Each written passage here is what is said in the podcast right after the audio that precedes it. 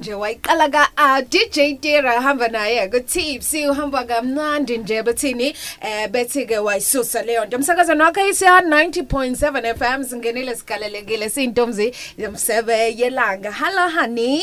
Angeke uyiqale kwazethi bese iyalunga kumele vele uyiqale ka a ngoba kwenze njani kodwa mngani wami? Zonke izinto iqala ka a ukuze ilunge kuthiwa alikho ithune el- el- eliqala kuphi? Alikho ithune eliqala phansi Eliqala- qala oh. phezulu. yazi ziningi nje izinto ey'shiwo Ngiyakutshela. abantu ezinye zize zisiconfuse ukuthi Ay, ziyaconfuse. sebechaza ukuthini-ke manje? Angeke yebo into kanjalo igama ngunonjabulo wakankosi ubaba mayengetho wathi ngulanga elihle ngoba ngenza njalo. Once behind the mic ngenza sure ukuthi umba nelanga elihle okwangempela. Ngihamba nentokazi-ke lapha ezosifundela indaba keze kubumbane ihora lesithathu.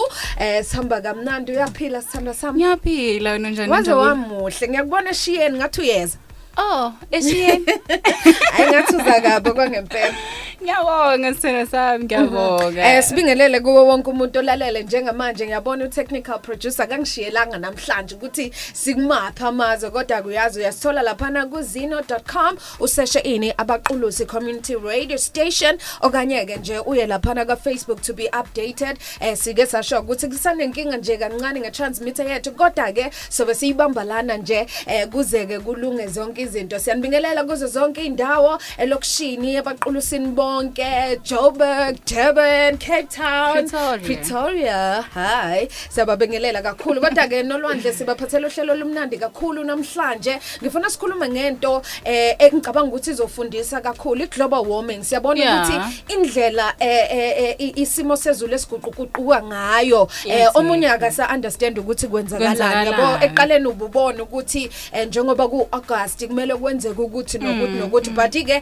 due to ini due to yona ke lenkinga leya. Bayibiza ngokuthi global warming eh, yiyo ke eyenza ukuthi njengamanje singaqonda qonda ukuguquka kwani ke kweweather. And futhi ngoba kuleli viki nje okuthiwa kuyasola ukuthi kuzoza ukubando kunzima Yeah. eh uyakhumbula kwesibuya kuba debuncane kakhulu kodwa ke le weekend le siyakuyona eh kunama cold front kunama snow ngiyabona de bekhaliswa into encane abantu kodwa soyichaza nje kahle ukuthi idalwa yini yonke lento eyenzakalayo bese sikupha ke neindaba nje eyitrendayo indaba esidingayo ukuthi eh, sin update kuzo ezenzakalayo nje all around the world. Kodwa nje before singene kuzo zonke lezo zinto yazi ukuthi eh sithandwa sami nginani eh, la kukhona into nje eh enginayo kuthiwa yini okuthiwa ke eh i-confession.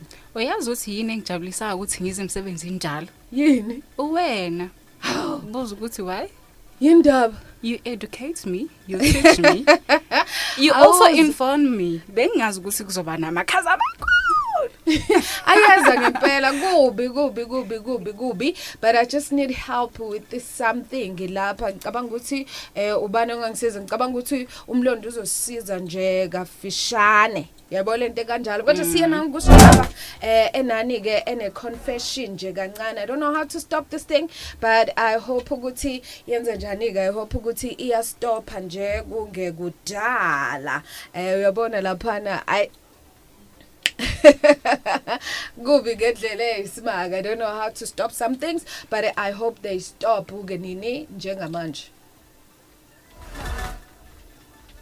Ndawona nekhaya na ngalala na malingishoneli langa siyabuya ohlelo lwakho luhamba phambili yomidday show imisebelelanga ku-acfm sinikeza uhlobo lomculo oluhamba phambili. Kusukela ngo-12 kuya ku-3 weekdays ku-acfm Your number one radio station.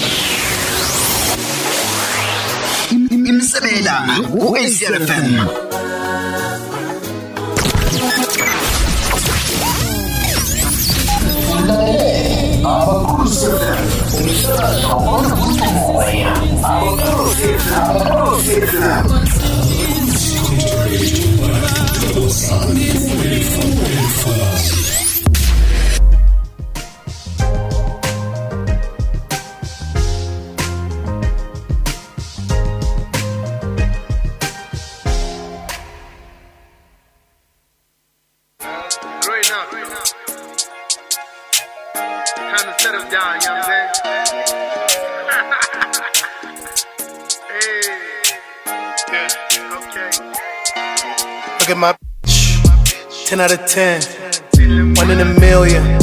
I'm Donny Cream. Look at her, look at her, yeah, look at her, look at her, look at her hips.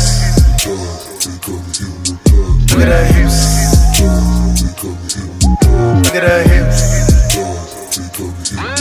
Look at her hips. Subabil. Quarantine. Quarantine. Sazuba lit, yeah. Sazuba lit, yeah.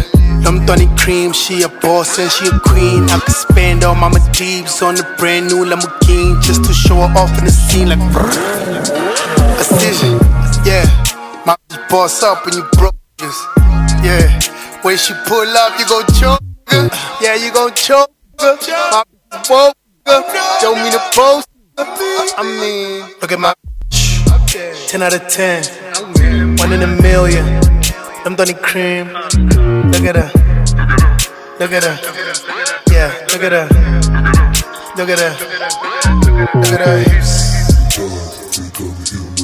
Look at her hips. Look at her hips. Look at her hips. He loves the fact that I'm tight.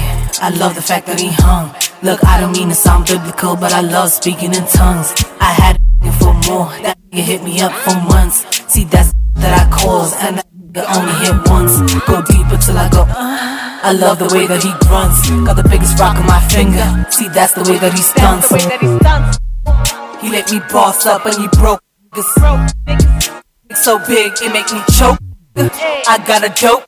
He curve all the hoes like on my post. And he like, Look at my 10 out of 10. One in a million. I'm Donny Cream. Look at her. Look at her. Yeah, look at her. Look at her.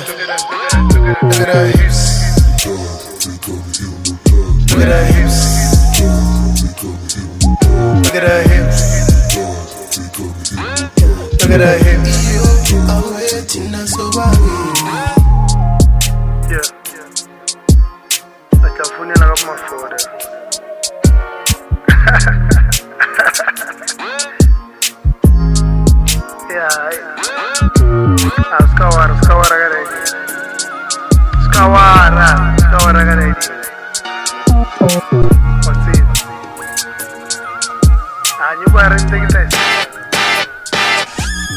kanti ke uNadia ehamba naye ke ubani? uCasper Nyovest mabesho kamnandi bethini bethi nje sobabili khanalana ke kuACR 90.7 FM ngiyacabanga ukuthi eh, from now ke sothola ini sothola ke amanqampu nqampu okubumbana kwehora lesingaki kwehora eh leshumi nambili ngonolwandle ngokandandwe ACRFM News njengoba zinjalo.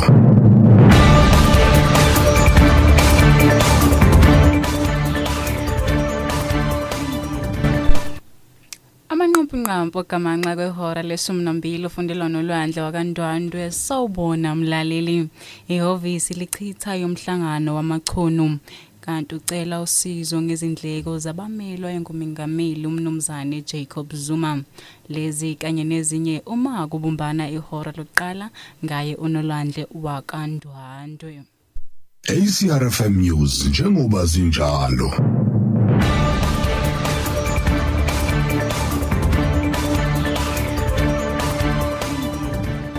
Sando samuthi eh endaweni kuthiwa ucela usizo eh ngokulekelelwa mhlawumbe ngezinto zabameli. Lokho kusuke kuchaza ukuthini ngoba phela eh mhlawumbe abanye bengasho ukuthi siyamazi umengameli eh unezimali zakhe. Manje usizo kanjani?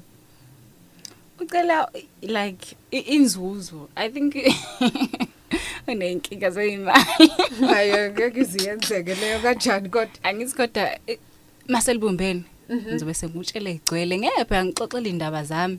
Bese ngizofika se- sezi- seziphuwa kakhulu.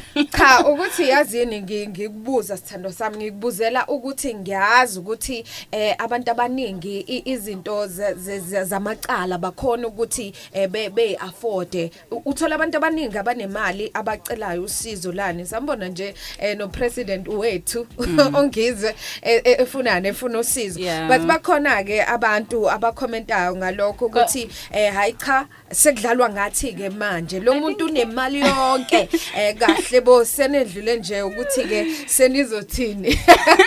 Sekathekwa nina ke manje njengabantu a- a- abafunda indaba hey i think eh, ba- ba- ba- ba- bafuna laba ama- abameli abaf- abafuna imali ezinkulu ya beze be- beshodelwe imali. Kodwa nje ba- ucela uxhaso nkosi yami.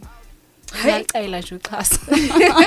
Unhlanzeka ukuthi hayi mtsheleni ukuthi ayele kwahele mani Hawu. nakho sesiphenduka inhlekisa silwela wena. Kodwa ukuthi eh, ungaboshwa jiki jiki eh wagoqwa eh intombazane nawe wavuma. Wayibophisa nje kanjalo. Abasasha manje uthi wenzeni uzulu?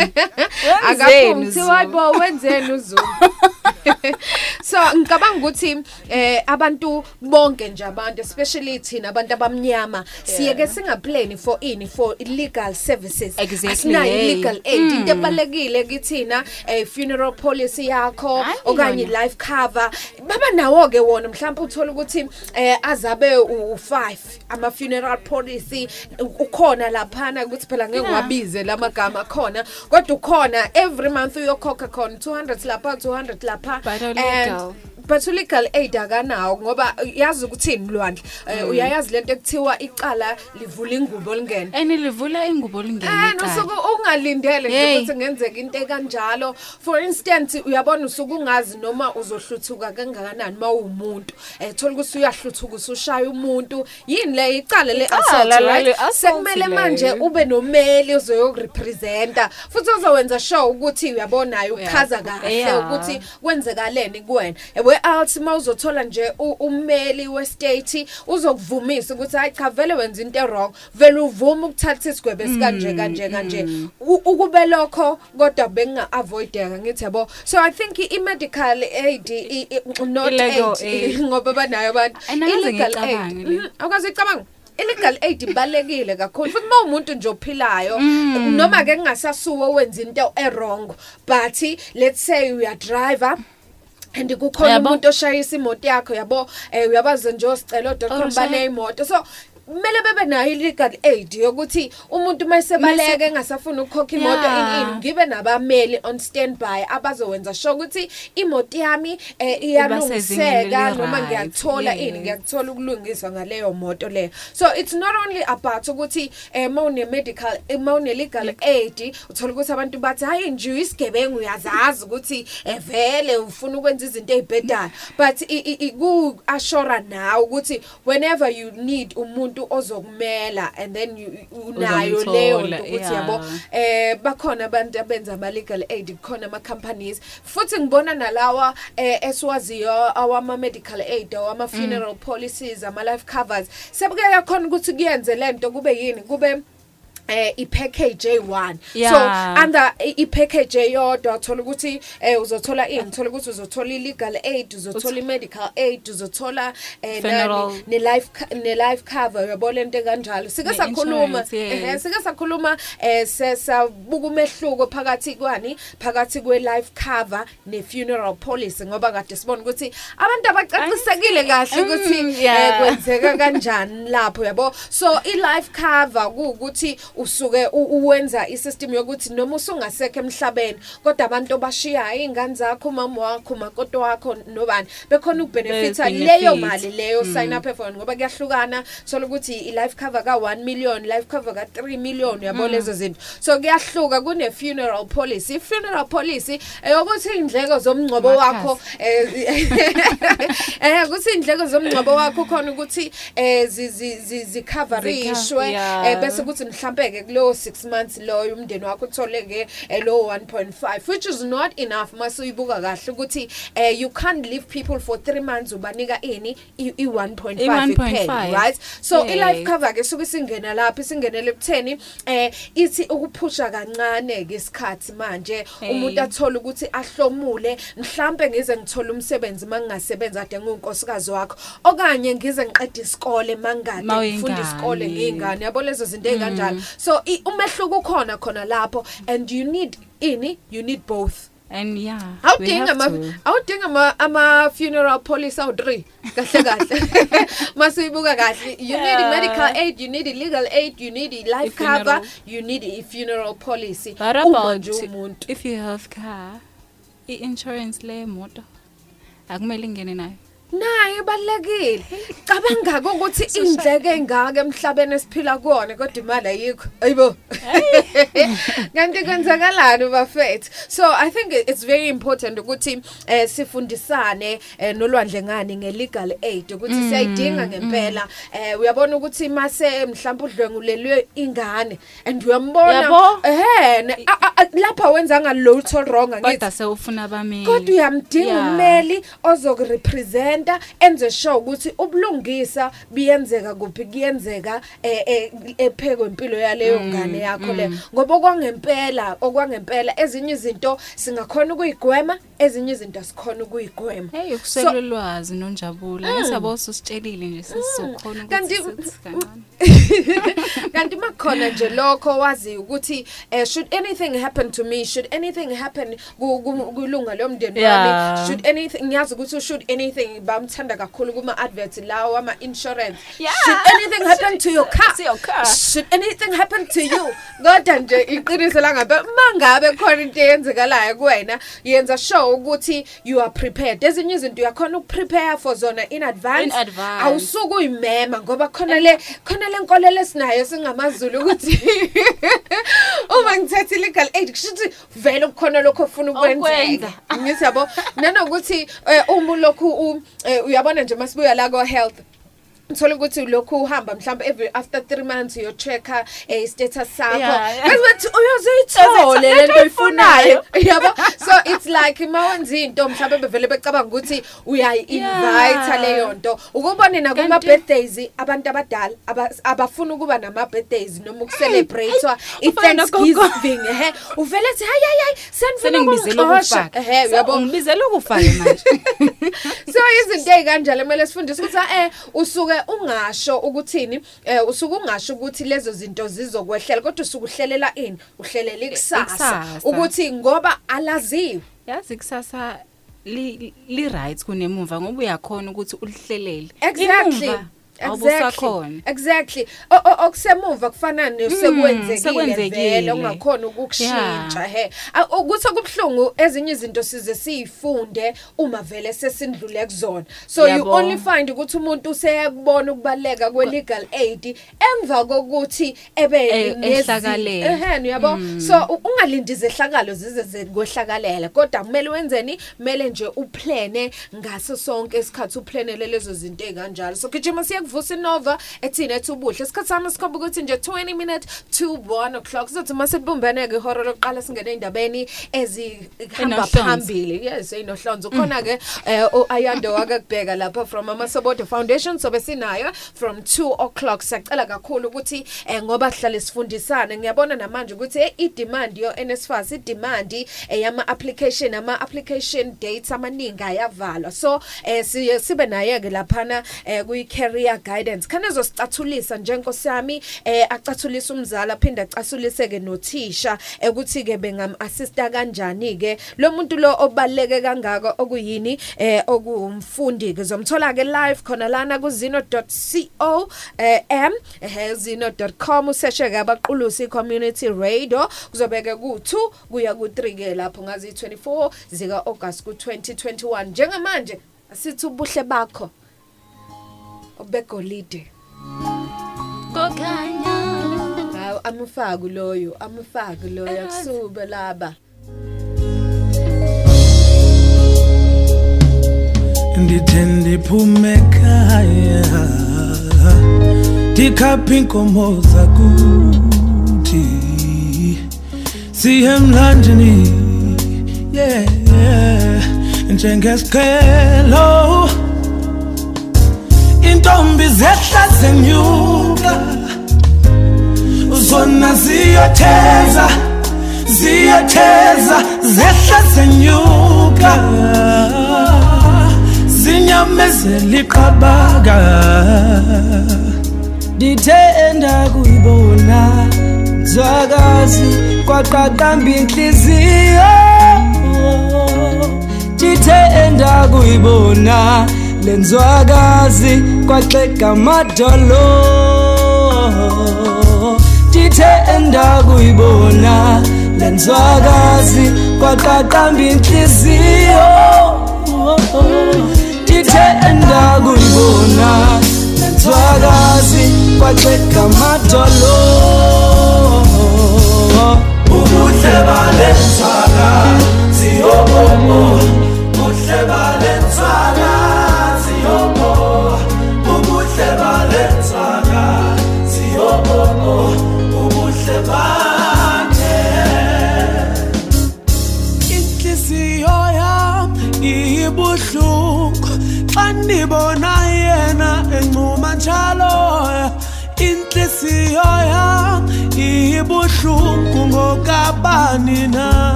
ubuhle balenzakazi bunenthanda iberongo ngendlela emnandi.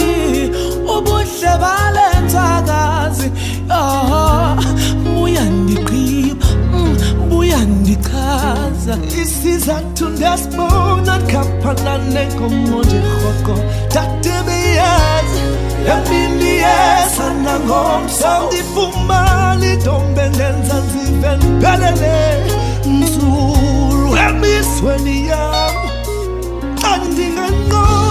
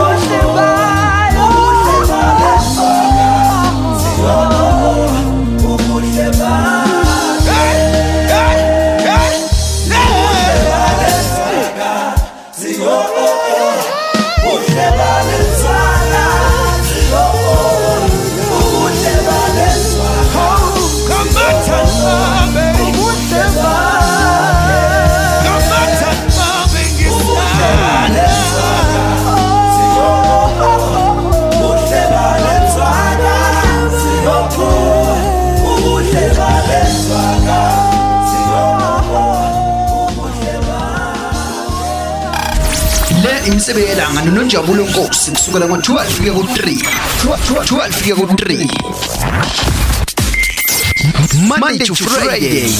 Ku-acrfm 90.7 fm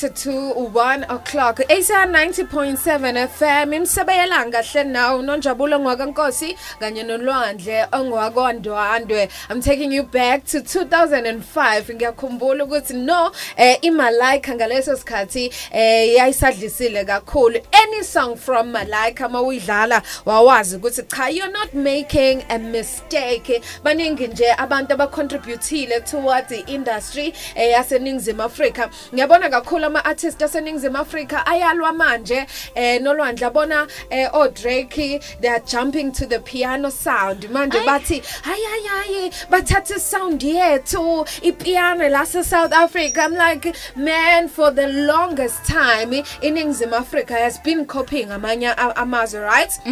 Masingaqala nje kuyi hip hop i hip hop akusiyela iningizimu Ayiyona Africa eyabo bona you know? Uh, and the other genres uyabona into kanjalo so eziningizimu Africa khona vele ama sound esiwenzile. Look at Kwaito right? Yes. ikwaito vele yala eningizimu Africa eh kwi era yayo we made history uyabona into kanjalo so yonke into esuke inkulu anyone wants to jump on it kodwa ipiano uyalibona ukuthi eh Africa yonke ukuthi Ladlondlobala. lihamba kanjani khona kade Ah. ngilizwe nje lase Ghana was like I know lihambile So. kangempela so bathi eh bacela ukuthi bengathathwa ini eh lingathathwa ke ipiano amanye ama countries ngingazi kubona ukuthi mina njengoba ku- kuyi genre le entsha futhi uyayibona ukuthi i- ihamba kanjani so wonke umuntu vele wants to jump on that And I U- think they should be grateful. They should, they should, they should be grateful ukuthi if finally sound yase Yeah. South Africa ya acknowledge all around the world. Ngoba- But ukulwa yazi qhamuka phi ke? Qhamuka ukuthi eh eh uyazi ukuthi why bengatholi eh ama sound pioneers epiano aphuma Oh, khona la yeah. eSouth Africa yabo so u- uzokuthiwa uDrake feature Shubani uKabza Oh, the yeah. small so that's where the fight comes from okutheni eh eh, asisho ukuthi bengayithathi ipiano no abayithathi but in order ukuthi si si keep ugenuine bayo no authenticity bayo Yes. abathathe phela ama producers ala young producers we have them here in South Africa bese Oh, ke yeah. beya collaborate nabo so that nabo benza imali Bekhona so kwenza bona babona imali. ngathi hayi basikhipha nje Be- komlonyeni eh so Abaskiphi. yeah that's the real fight. Ukuthi eh eh, bengayithathi ngathi yabo siyavuma ukuthi eh, ipiano is making eh, eh, hits and headlines around the world. Kodwa ke bathathe ama sound pioneers akhona la eNingizimu Africa khani yeah. ke kuzosetshenziswana yabo ifight lapho kodwa Bona- ngikhumbula bona bona bacele- bethatha Bana baye ba- benza ama sound pioneers.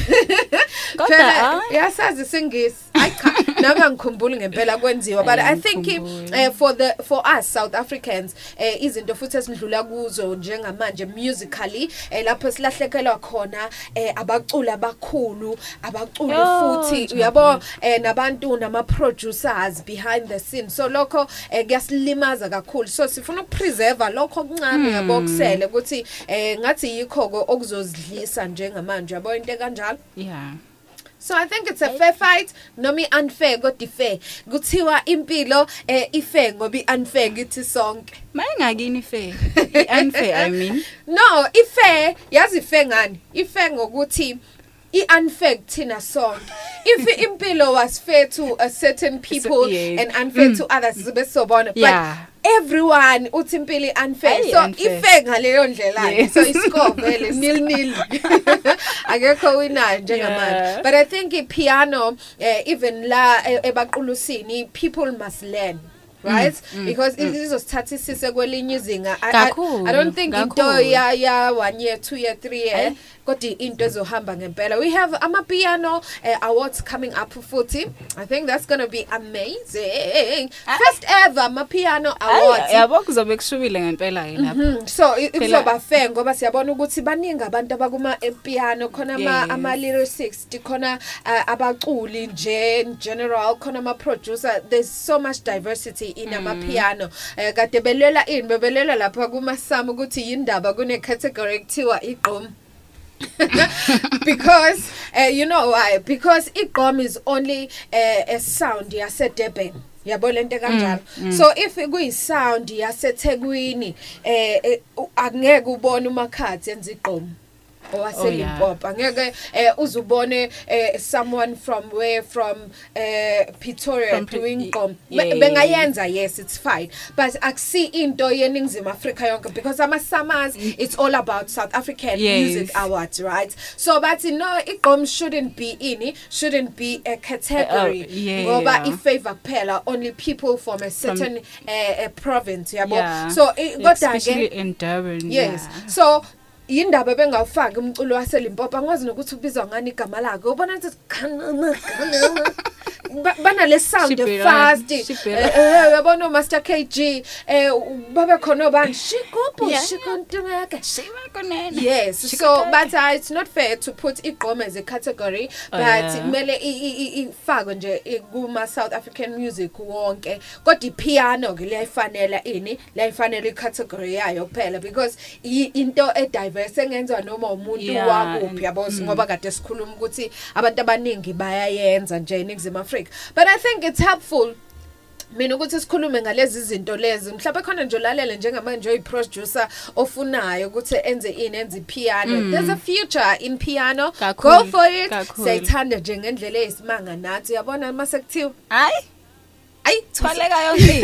Thwaleka inyini. ngisuke ngazi ukuthi kwenziwani kodwa nje hayi hayi hayi hayi suke kwenziwa khona uyayibona lento ekanjalo Yeah. ngicabanga ukuthi eh, abantu should pu- pursue ini eh, i-career when it comes to ama-piano listen it's four minutes before one o'clock uzobe khona kulwandle engwakwandwandwe esipha ini esipha-ke iy'ndaba zokubumbana kwehora lokuqala kodwa mina ngizogijima um ngiye laphana-ke kubeyonce mayesho kamnandi ethini ethi petition baby can i be a petition please Give me some. Yes.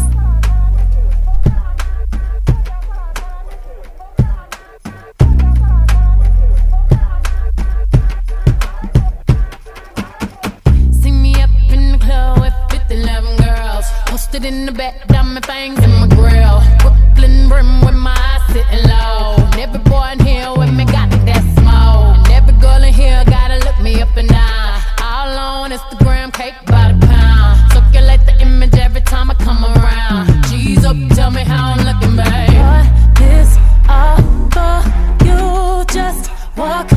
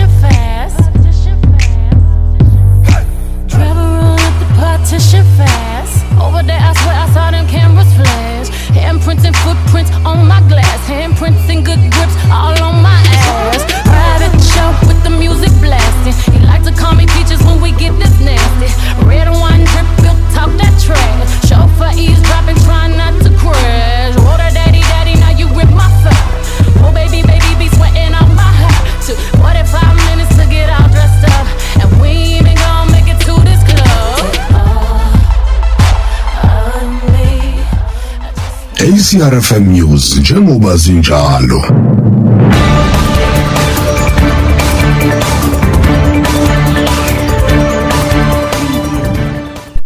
Lasho labumbana ke ihora lokuqala ufundelo nolwandle wakandwandwe kwi-ACR FM. Ihhovisi lichitha yomhlangano wamachuno kanti ucela usizo ngezindleko zabamelwe ngumengameli wezwe umnumzane Jacob Zuma. ACRFM News njengoba zinjalo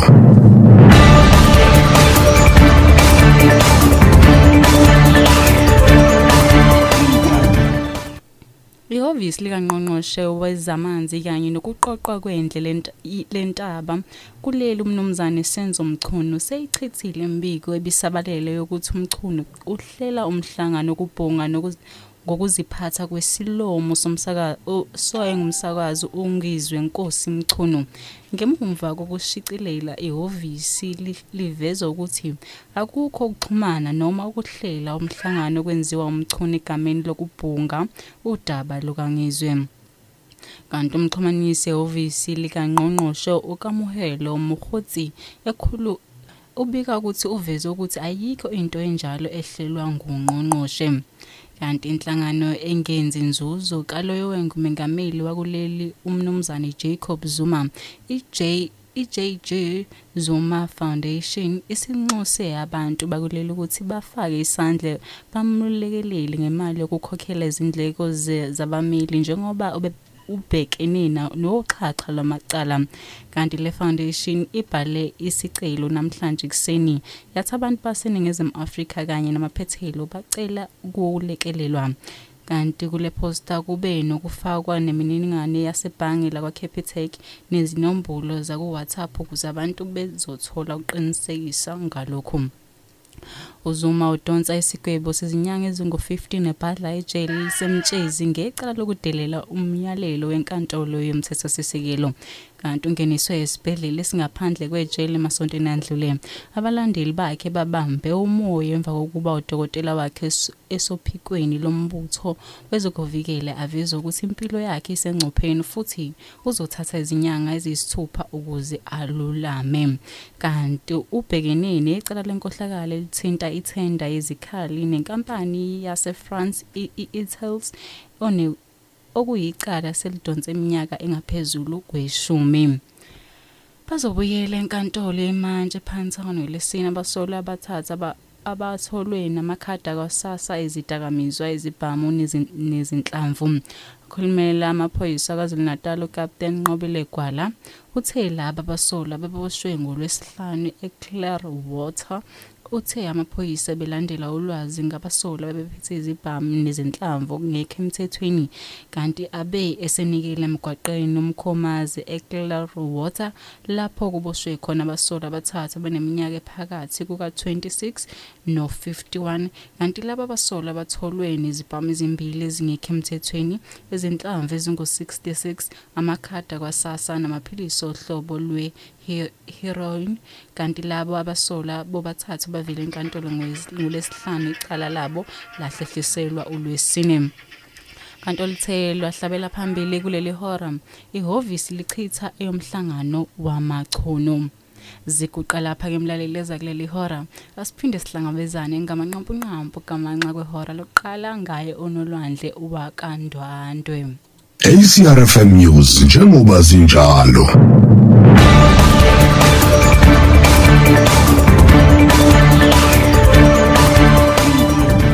Best, best, best news station. Best, best, best news. Number one community radio. Abakulu FM. Umsela. Sona 12 kuya ku-3.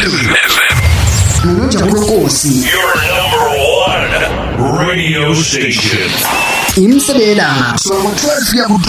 Abakulu community radio.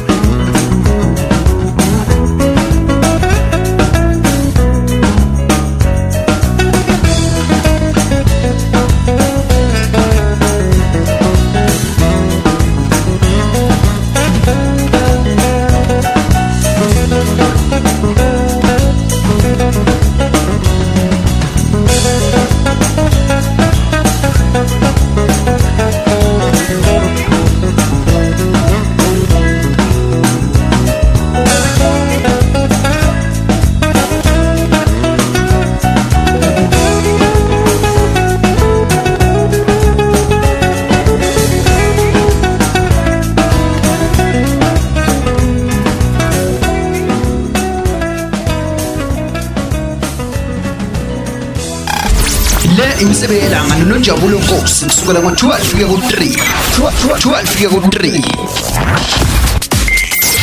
Monday to Friday ku-ACRFM 90.7 FM ezekhethelo ezekhethelo ezekhethelo umculo pholile ezekhethelo umculo pholile umculo pholile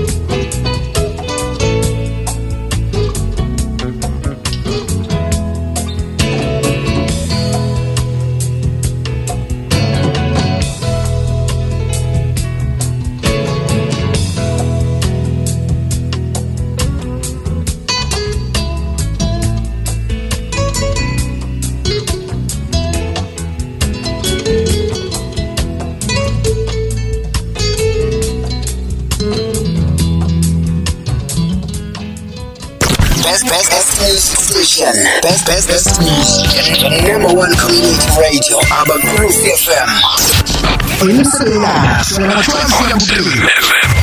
Nonjabulo Nkosi. Your number one radio station. Imsela. Sona 12 ya kuphila. Abakuru community radio. Ezekhethelo. Ezekhethelo. Ezekhethelo. Umculo pholile. Ezekhethelo. Umculo pholile. Umculo pholile.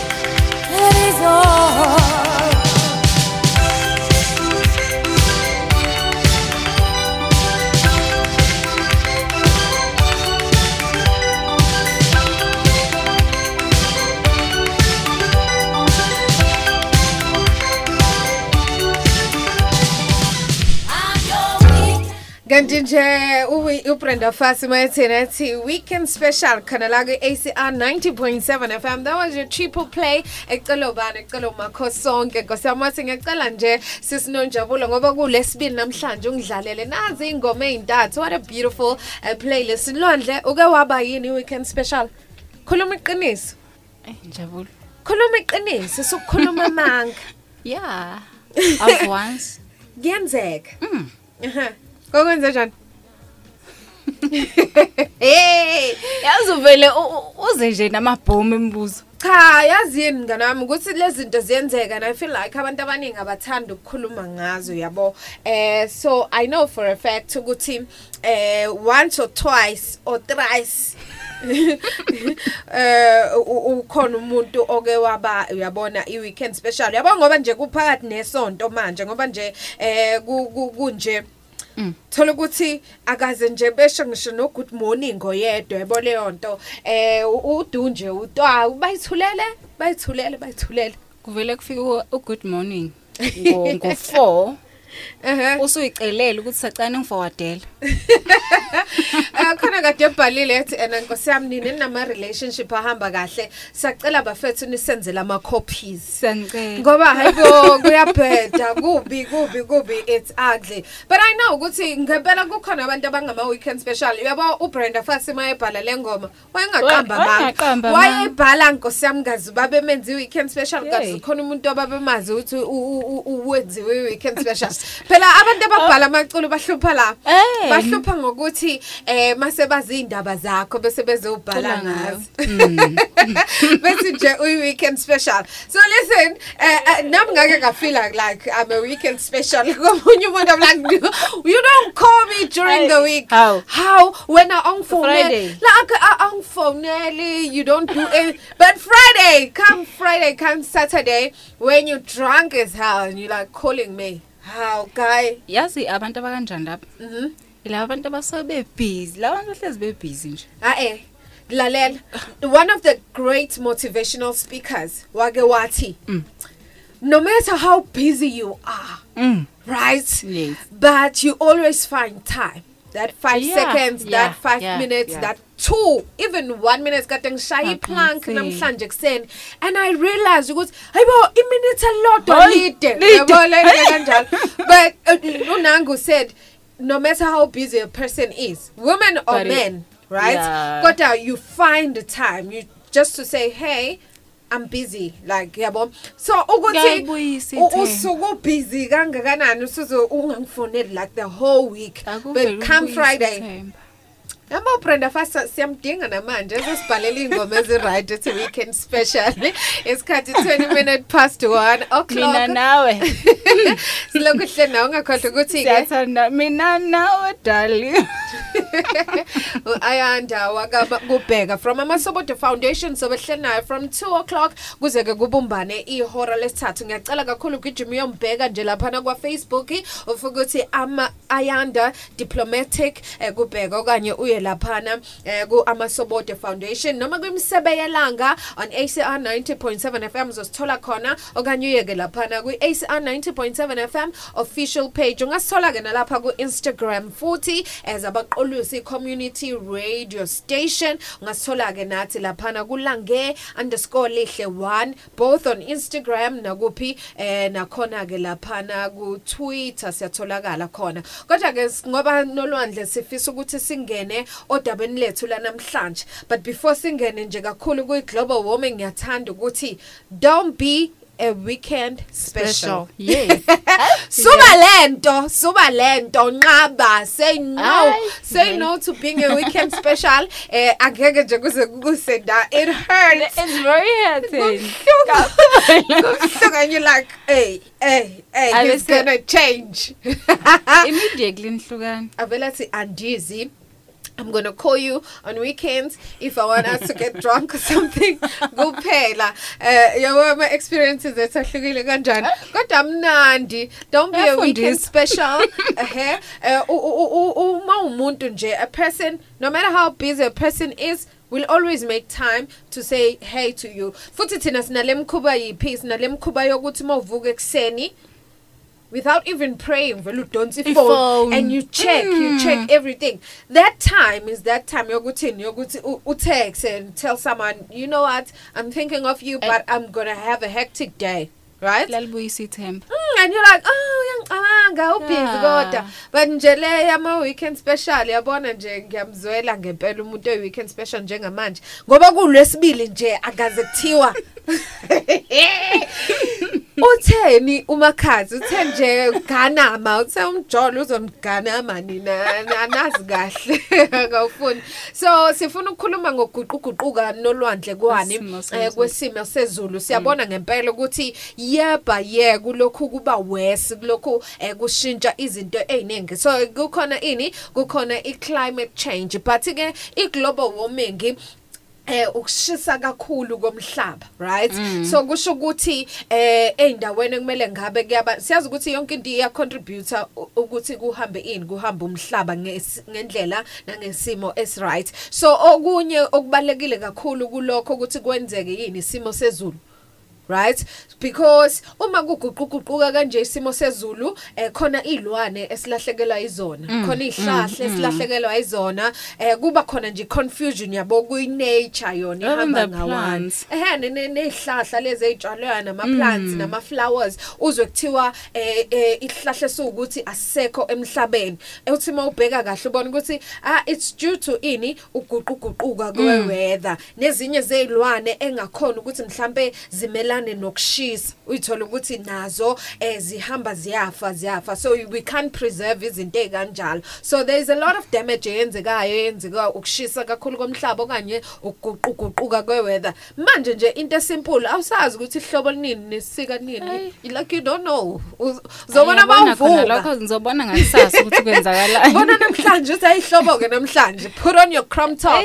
Uphinde ubone futhi ngakusasa ukuthi hayi namhlanje hayi sifake Hawu, ngifake ibhantshi yabo ibhantshi. so ilezo zinto lezo sobona nokuthi yini imbangela yazo Mm. nokuthi eh singakwenzani ukuze sikwenze Sigwemeke. sikugweme lokho sibonile kakhulu eningizimu Afrika eh si- sibona nezinto esingakaze siyibone eh ngani ngakho isimo sezulu Right thina eh eningizimu Afrika eh asinazi izinto ezifana no earthquake asinazi izinto kodwa njengamanje siyakuzwa ukunyakanyakaza komhlaba ayiba sekuyafika yabo so Kuyafika. so thike mali gamanxa ihora le- lokuqala eh, sobe senza njani ke lwandle? Sobe sesingena ke Sesena- kuyo ke eh, i-climate change. Kodwa manje angikuphe nangu u-lady soul mathi- i I mean the temptations mabethini mabethi lady soul.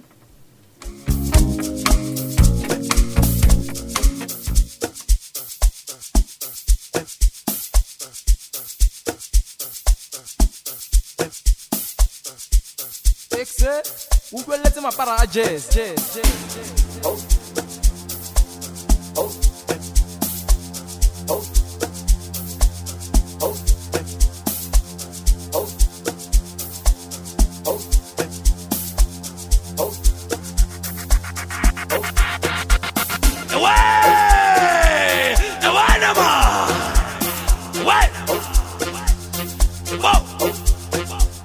yibi yibi yibi yo.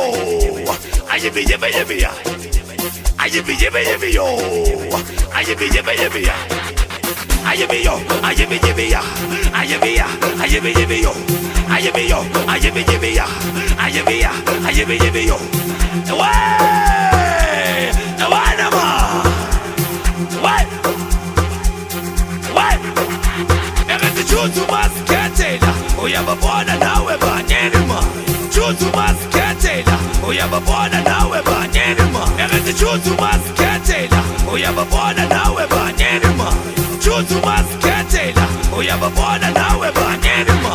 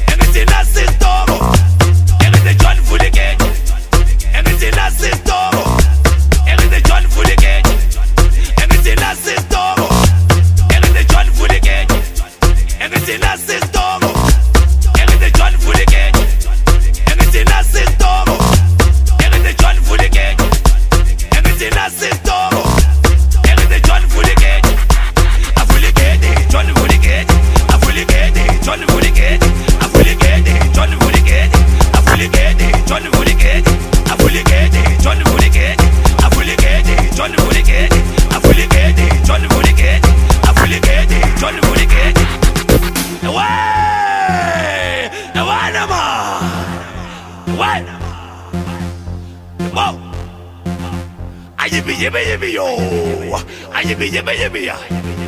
Ayibi yibi yibi yo! Ayibi yibi yibi ya! Ayibi yo! Ayibi yibi ya! Ayibi ya! Ayibi yibi yo! Ayibi yo! Ayibi yibi ya! Ayibi ya! Ayibi yibi yo! Away! Awanama! What? What?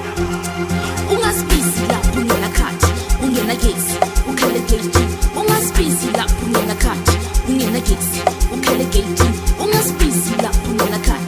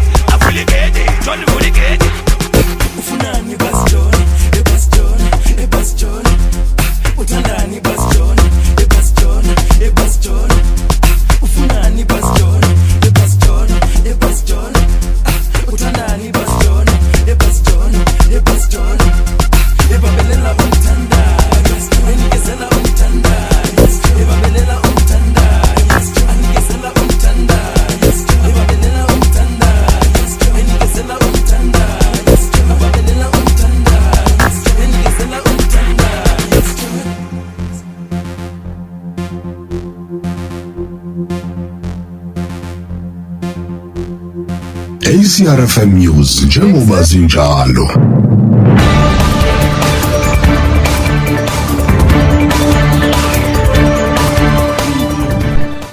Laso lagamanxa ke ihora lokuqala ufundela nolwandla wakandwando kwi-ACR FM. Kuxwayiswa abafafaza amanga ngokuhoxa kwamasotsha eKwaZulu Natal kanti kushintshe indlela ANC eqhwa ngayo izimeya. Lezi kanye nezinye uma kubumbana ihora lesibili ngaye unolwandle wakandwando ehleli naye ku-ACR FM. ACRFM News njengoba zinjalo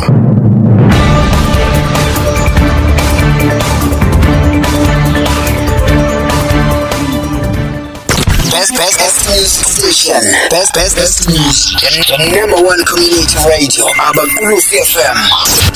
Imsela, sona 12 ya bukhulu. Nonjabulo Nkosi. Your number one radio station. Imsela, sona 12 ya bukhulu. Abakulu community radio.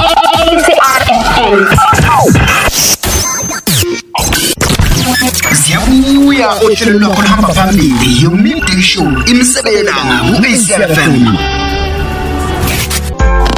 Sinikeza uhlobo lomculo oluhamba phambili.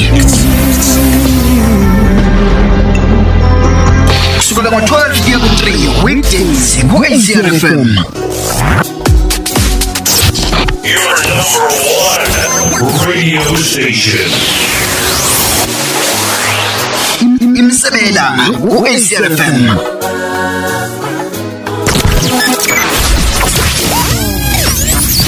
Abakulu FM.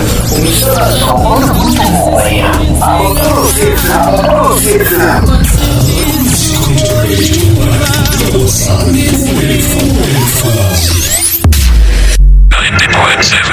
Ufisa ukuba ingxenye yezinhlelo zomsakazo i-ACRFM. Kulula kakhulu. Sithinte kule nombolo 072 698 2878. Usamanza bona. Hello? Yebo mfowethu. Ngane.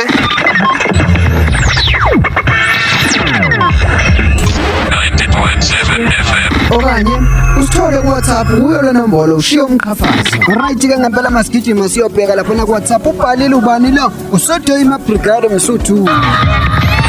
Noma usithole ku Facebook ACR 90.7 FM official page. Iba ingxenye yezinhlelo zomsakazo i-ACR FM. Umsakazo onobuntu moya ongasangi. 90.7 FM. We stand together all around the world, joined in a common purpose to remake the planet into a haven of joy and understanding and goodness. No one should have to suffer, especially our children. This time, we must succeed. This is for the children of the world. There's a place and I know that it is love. And say, let's brighter than tomorrow.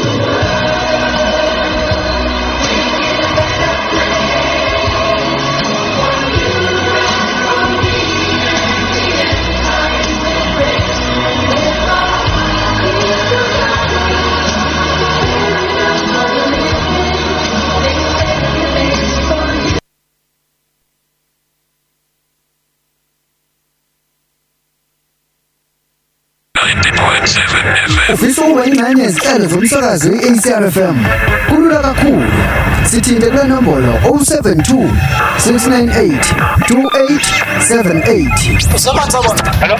Yebo mfowethu. Ngani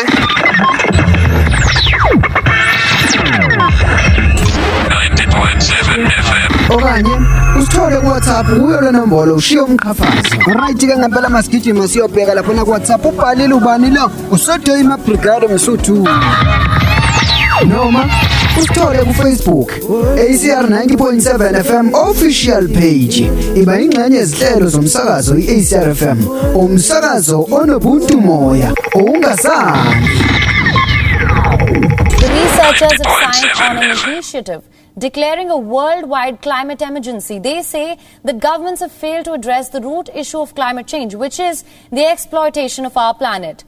What the researchers did was analyze vital signs. These are key metrics of planetary health like greenhouse emissions, glacier thickness, sea ice extent, deforestation, and others. Of 31 vital signs, they found that 18 hit record highs or lows. For example, the levels of atmospheric carbon dioxide and methane hit all time highs in 2021, despite a dip in pollution linked to the pandemic.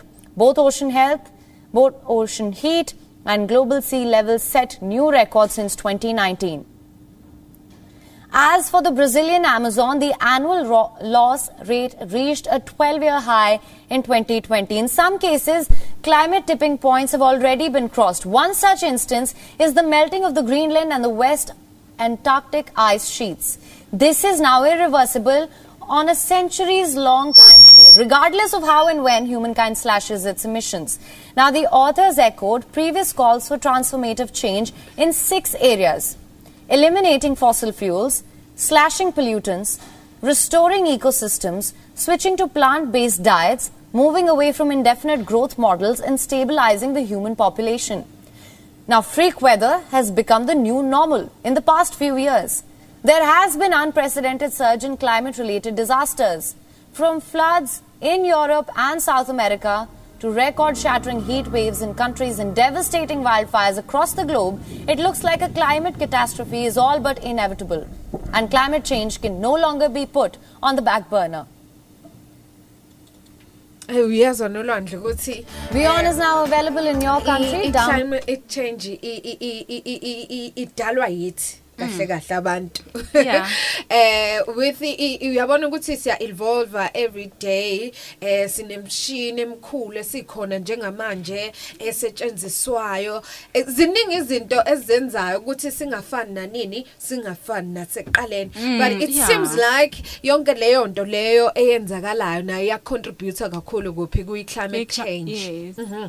eh uyabona ukuthi eh ama industries amaningi uthola ukuthi a release leyo carbon dioxide okumoya ongekho right for ini eh for i, i, i universe uthola ukuthi sekuyikho kuyimbangela yani kuyimbangela yokuthi kuguquguquke ini eh isimo sani isimo ke sezulu. Siyazi ke sonke ngiyacabanga ukuthi khona esafundiswa ezikoleni ukuthi ithini kodwa ama scientist eh abayenza ama research ngalezi zinto umhlaba wonke eh yiwo kashoyo ukuthi cha eh i global warming iyi- imphumela wani eh we human eh, cause climate.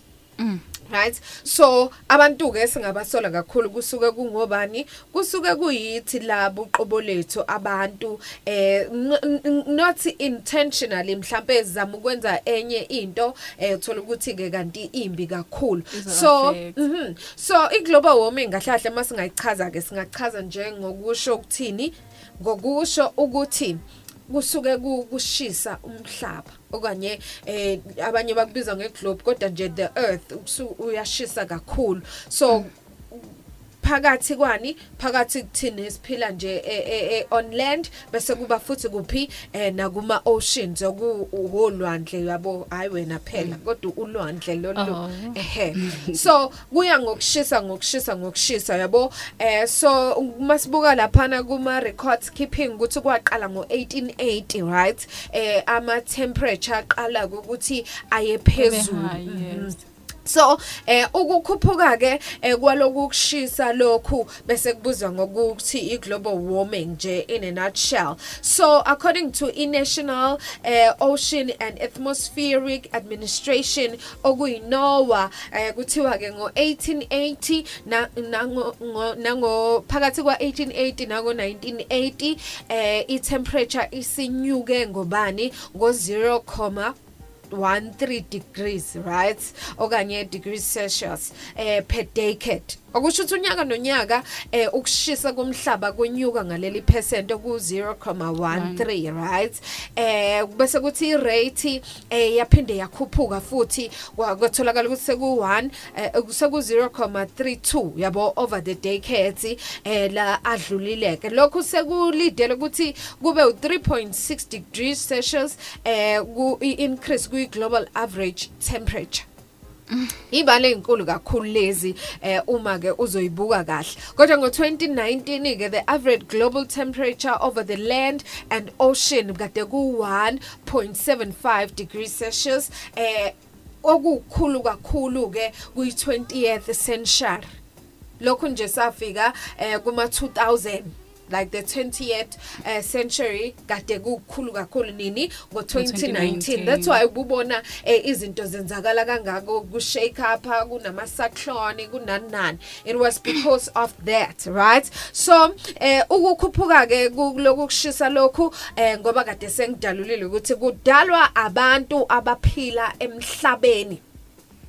Ukushiswa eh kwama fossil fuels eh kuna khona kuma greenhouses gases eh ekuphi eye kuyi atmosphere eh lokhu ke kufika kwenzeni eh kubambelele ukushisa kwelanga and bese kuba khulu kuphi kube khulu la kuyi surface nasemoyeni bese kushisa nje uyabona kuyi atmosphere so eh ama greenhouses ke ngayidlala indima ngokwenzani? Eh ngokuthi ke eh, uma eshisa lezinto asuke eshisa siyacela kakhulu ukuthi enzeni eh enga engayishisi. Okanye kube nendlela eyenziwayo mhlawumbe okuklina ini okuklina lowo moya lowo usuke uphuma lapho. Siyabona njengamanje abantu eh ba ifocus iyashintshwa uyabona nje emazweni amanye eh abafuna ukwenza imoto manje ihamba ngogesi rechargeable lezi engeyikhiphe ini engeyikhiphe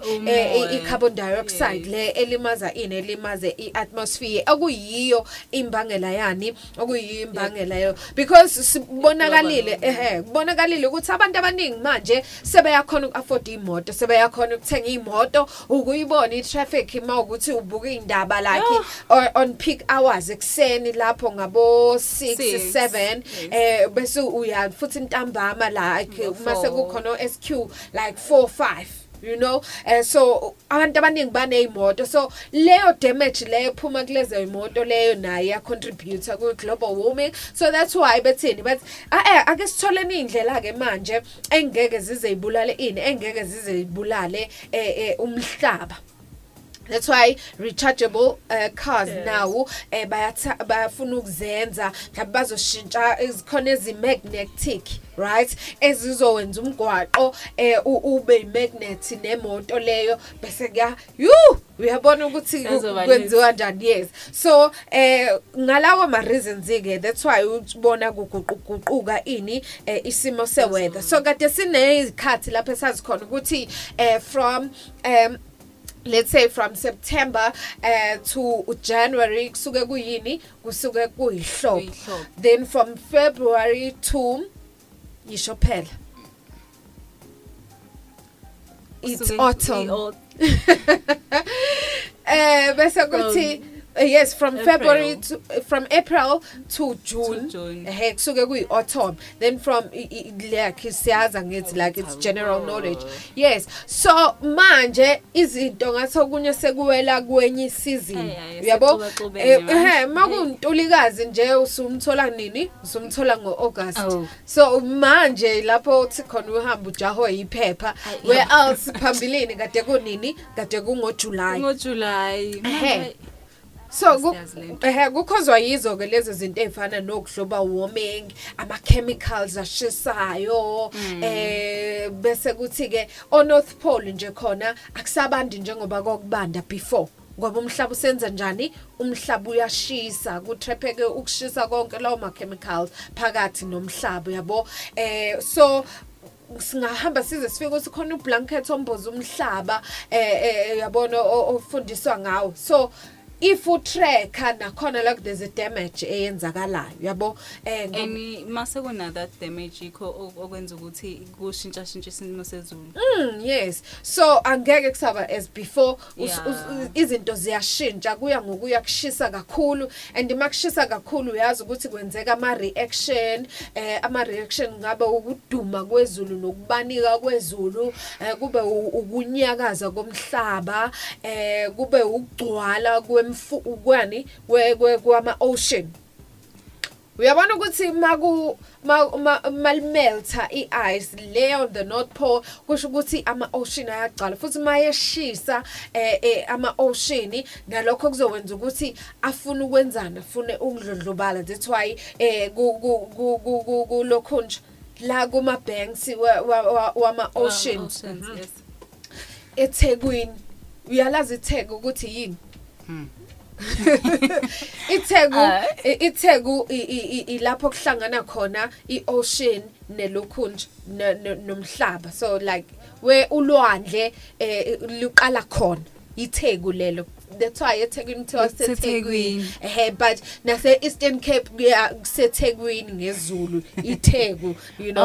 Oh. ehe so makuthiwa ithegu it's where the ocean meets the end okanye where the where the land uh, ends and the ocean starts. Ithegu lelo right? Oh yeah. bengazi i'm schooling you. That's why ngishilo ngathi like you're very educating me. Yes so eh ubona ukuthi magcwala ulwandle.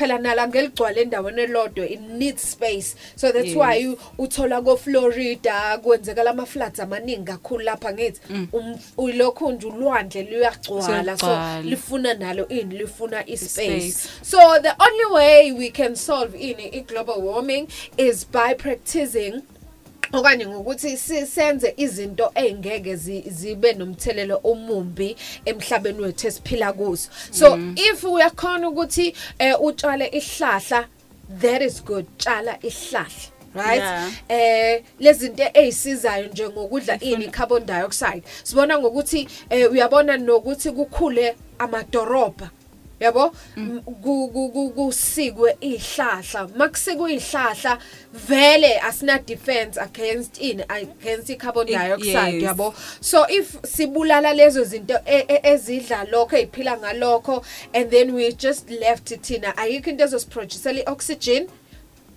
But ezinto eziningi zi- zi- zi- ziproduce i-carbon dioxide. Uyabona ukuthi sisengcupheni ngokwenza kanjalo. Okusho ukuthi ibalance ayikho. Yeah. right so we need to balance izinto ezenzakalayo with izinto ezizokhona Ezizokhona ukusiza uku- yeah. like uh, having your green your greenhouses ngoba sebenza manje eh u- u- u- u- u- nasemadorobheni sebeyakwenza sebetshala izihlahla ngaphakathi Yeah. sebetshala because bafunani bafuna ukulwa nalokho have you seen nje ngoba wena kade u- u- u- u- unokuhlala eJoburg nako Pretoria uyazi ukuthi kubanda kanjani eh ku- ku ku central compared to other places. And lento ade ngifuna ukuyisho. Ehe.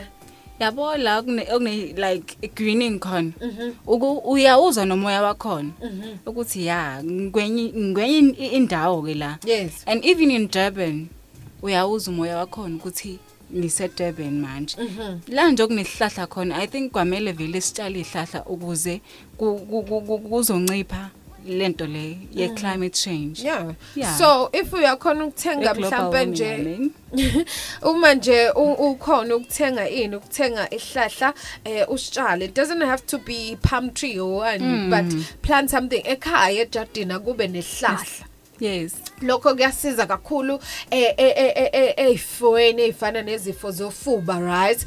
Because makhona ihlahla then you are guaranteed ukuthi kukhona ini kukhona eh, eh, i- fresh air ezobingena right? Na- nakuphi eh nasembalini yabona nje imbali kumele ube nazo ekhaya eh mhlawumbe ezikhona ezifresh lezi eziphilayo mhlawumbe Yes. utshale nje kublampoto lakho eh, usibeke kuphi? Usibeke sitting room okanye usibeke kitchen? That way eh, uyazi ukuthini? Uyazi ukuthi kuzobe kukhona i- i fresh air. So i- is- ibuyela kuphi? Ibuyela ukuthi let us preserve ini eh, eh, i- i nature yethu. Let us preserve lezi zinto lezi engamagugu kuthina. Eh uyabona nje omunye ngathi uNkulunkulu kaze wayecabangene akhihlahla but masu ufunda ngaso uyabona ukuthi isihlahla kwakumele sibe khona for me to breathe. Yes. Uyabo? So ezinye izinto zi- revelation futhi uNkulunkulu uyifihle ubala kanjalo ukuthi okay ukuze ukhona ukuphefumula umoya ofresh awuthathe esihlahleni. So it goes back to ukuthi wena uyakudinga okunye noma ungacabanga ukuthi uyayidinga Uyakudinga, leyo nto yabo yebo. so umhlaba eh, eh, eh, ne natural cause yawo mele uhlale kulingana konke ube in balance okanye ube naleli gama lesingisi abalithandayo bathi ube in sync kunga Yes. uyabo i-chain ye ye ye ye ye ye bicycle Mm. uma ihamba once kwaba nenkinga ko- eh, kweyodwa i- i- i- ilokhu nje lokho Yes. kwenza i-chain insimbi so angeke lisahamba ngendlela kumele lihambe ngayo i-bicycle right? Selizohamba ligqigqigqi I- ilapho esikhona njengamanje eh masikhuluma ngokuglobal warming noma ngokuguquguquka kwesimo sezulu. There's something wrong that we need to fix we need to go back there sithini? Let us plant i- ihlahla eh let us plant izinto ezizokhona ukuthi zenzeni ezizokhona ukuthi zibuyise phela ukuphila kuthina. And uyazi ukuthi isihlahla sibaluleke kanjani ekhaya? Mm. Eh ugogo wami uhlezi ethi kumele nitshale izihlahla ukuze nali ihlobo selizofika. Ehe. Bathi livimba izulu. Isihlahla? yes. Mhm. Mawutshale nje isihlahla angeke izulu libe that much mal- malizongena en- endlini. Mhm. bathi liqale esihlahleni qala mhm. Yeah. Ha kuningi okubalekile okumele sibuyele khona sikufunde and singathemba ukuthi we can save our world ngoba kade shubani eh ubaba laphana lo shaya imunwalk ethini? Ethi eh we can save in we can save our world and make it a better world. I hope ukuthi eh kube educational khona okuthathile nawe wafunda okuncane kuphi eh kule segment yanamhlanje kade sikhuluma ngayo.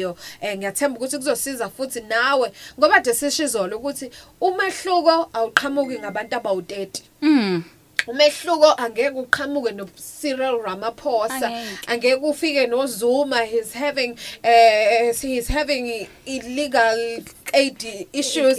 So kusho ukuthi nje angeke asize uyabona into kanjalo so you can't be helped by eh umuntu osuzothi uzoqhamuka kuphi? Uzoqhamuka eAmerica ezokusiza la eSouth Africa. So you need to start ukuthini? Ukuthi ke ulokhu nje eh, that one thing that you can change make sure ukuthi wenzani? Uyakhona Uyakhona ukuyishintsha. 6 minutes to 2 o'clock ukhona unolwandle kuzokuphi indaba zokubumbana kwehora eh lesibili ke but before that eh nangushimza ke nengoma yakhe enhle nje mnandi kakhulu ethini? Ethi khethiwe.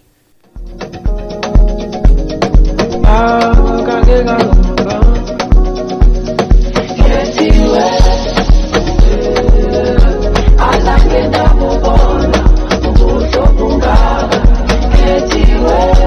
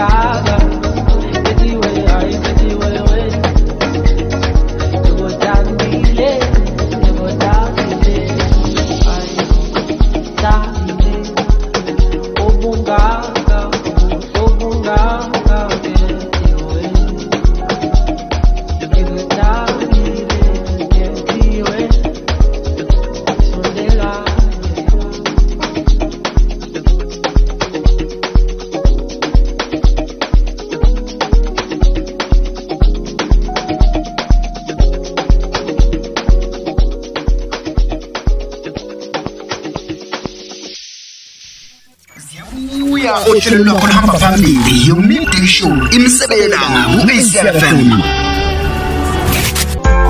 sinikeza uhlobo lomculo oluhamba phambili. Kusukela ngo-12 kuya ku-3 weekdays ku-acfm Your number one radio station. imsebelanga ku-acfm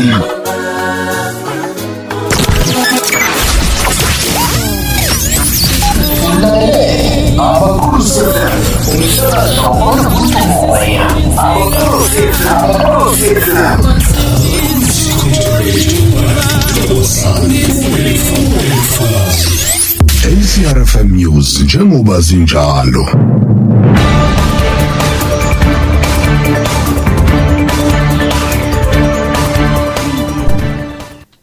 Lasho labumbana ke ihora lesibili ufundelwa nolwandle wakandwandwe sawubona mlaleli. Ihhovisi lichitha yomhlangano wamachuno kanti ucela usizo ngezindleko zabameli umnumzane Jacob Zuma.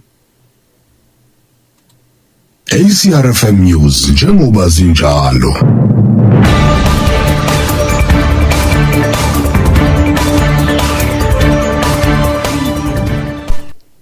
Ihhovisi likangqongqoshe wezamanzi kanye nokuqoqwa kwe- kwetshe lentaba kuleli umnumzane Senzo Mchunu selichithe imbiko ibisabaleleyo ukuthi umchunu uhlela umhlangano wokubhunga ngo- ngokunga- ngokungaziphathi kwesilomo somsa- oswaye ngumsakazi ungizwe Nkosi Mchunu ngemuva kokushicilela ehhovisini liveza ukuthi akukho ukuxhumana noma ukuhlela umhlangano kwenziwa umchunu egam- egameni lokubhunga udaba. Lukangizwe kanti umxhumanisi ehhovisini likangqongqoshe kamuhelo mahotsi ubike ukuthi uveze ukuthi ayikho into enjalo ehlelwa ungqongqoshe.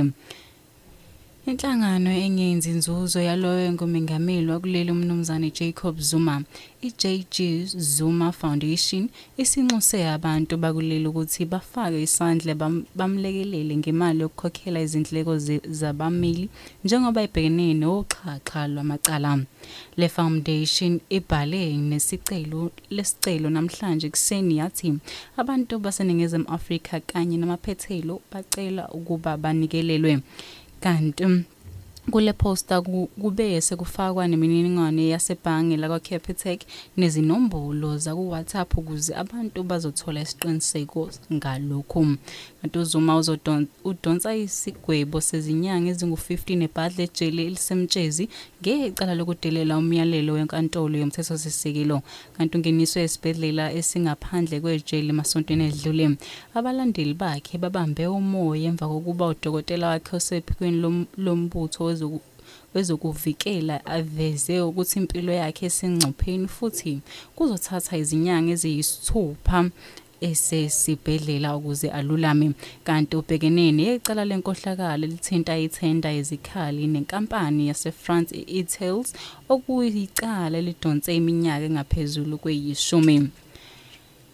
Bazobuyela enkantolo yemanje Pinetown ngolesine abasola abathathu abatholwe namakhadi akwasasa izidakamizwa ezibhamu nezinhlamvu.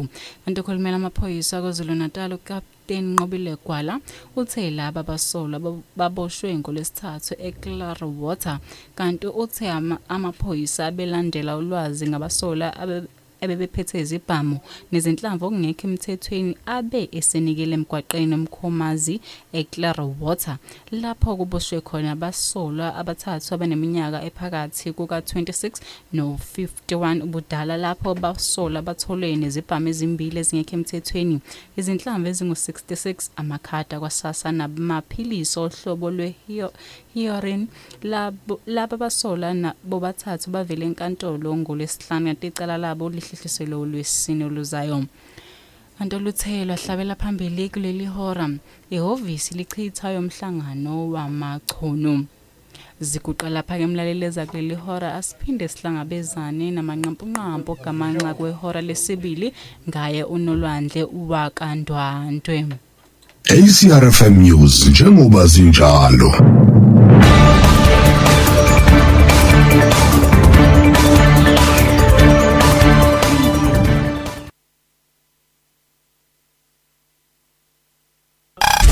Le imisebe yelanga nononjabulo nkosi kusukela ngo-12 fike ku-3 12 fike ku-3 monday to friday. 90.7 fm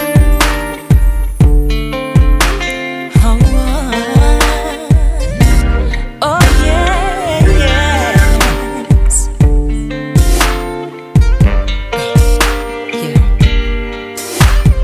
You're my superhero. Ooh, you rock my world. If you show me how, I can be your supergirl. Give you super, super. Cause you're super, super hot. Give you more than a little bit. Give you everything I got. Do you think of me like I think of you? Hoping that what I feel is what you're feeling too. I wanna go through a few things to describe just what's in my heart. There is no height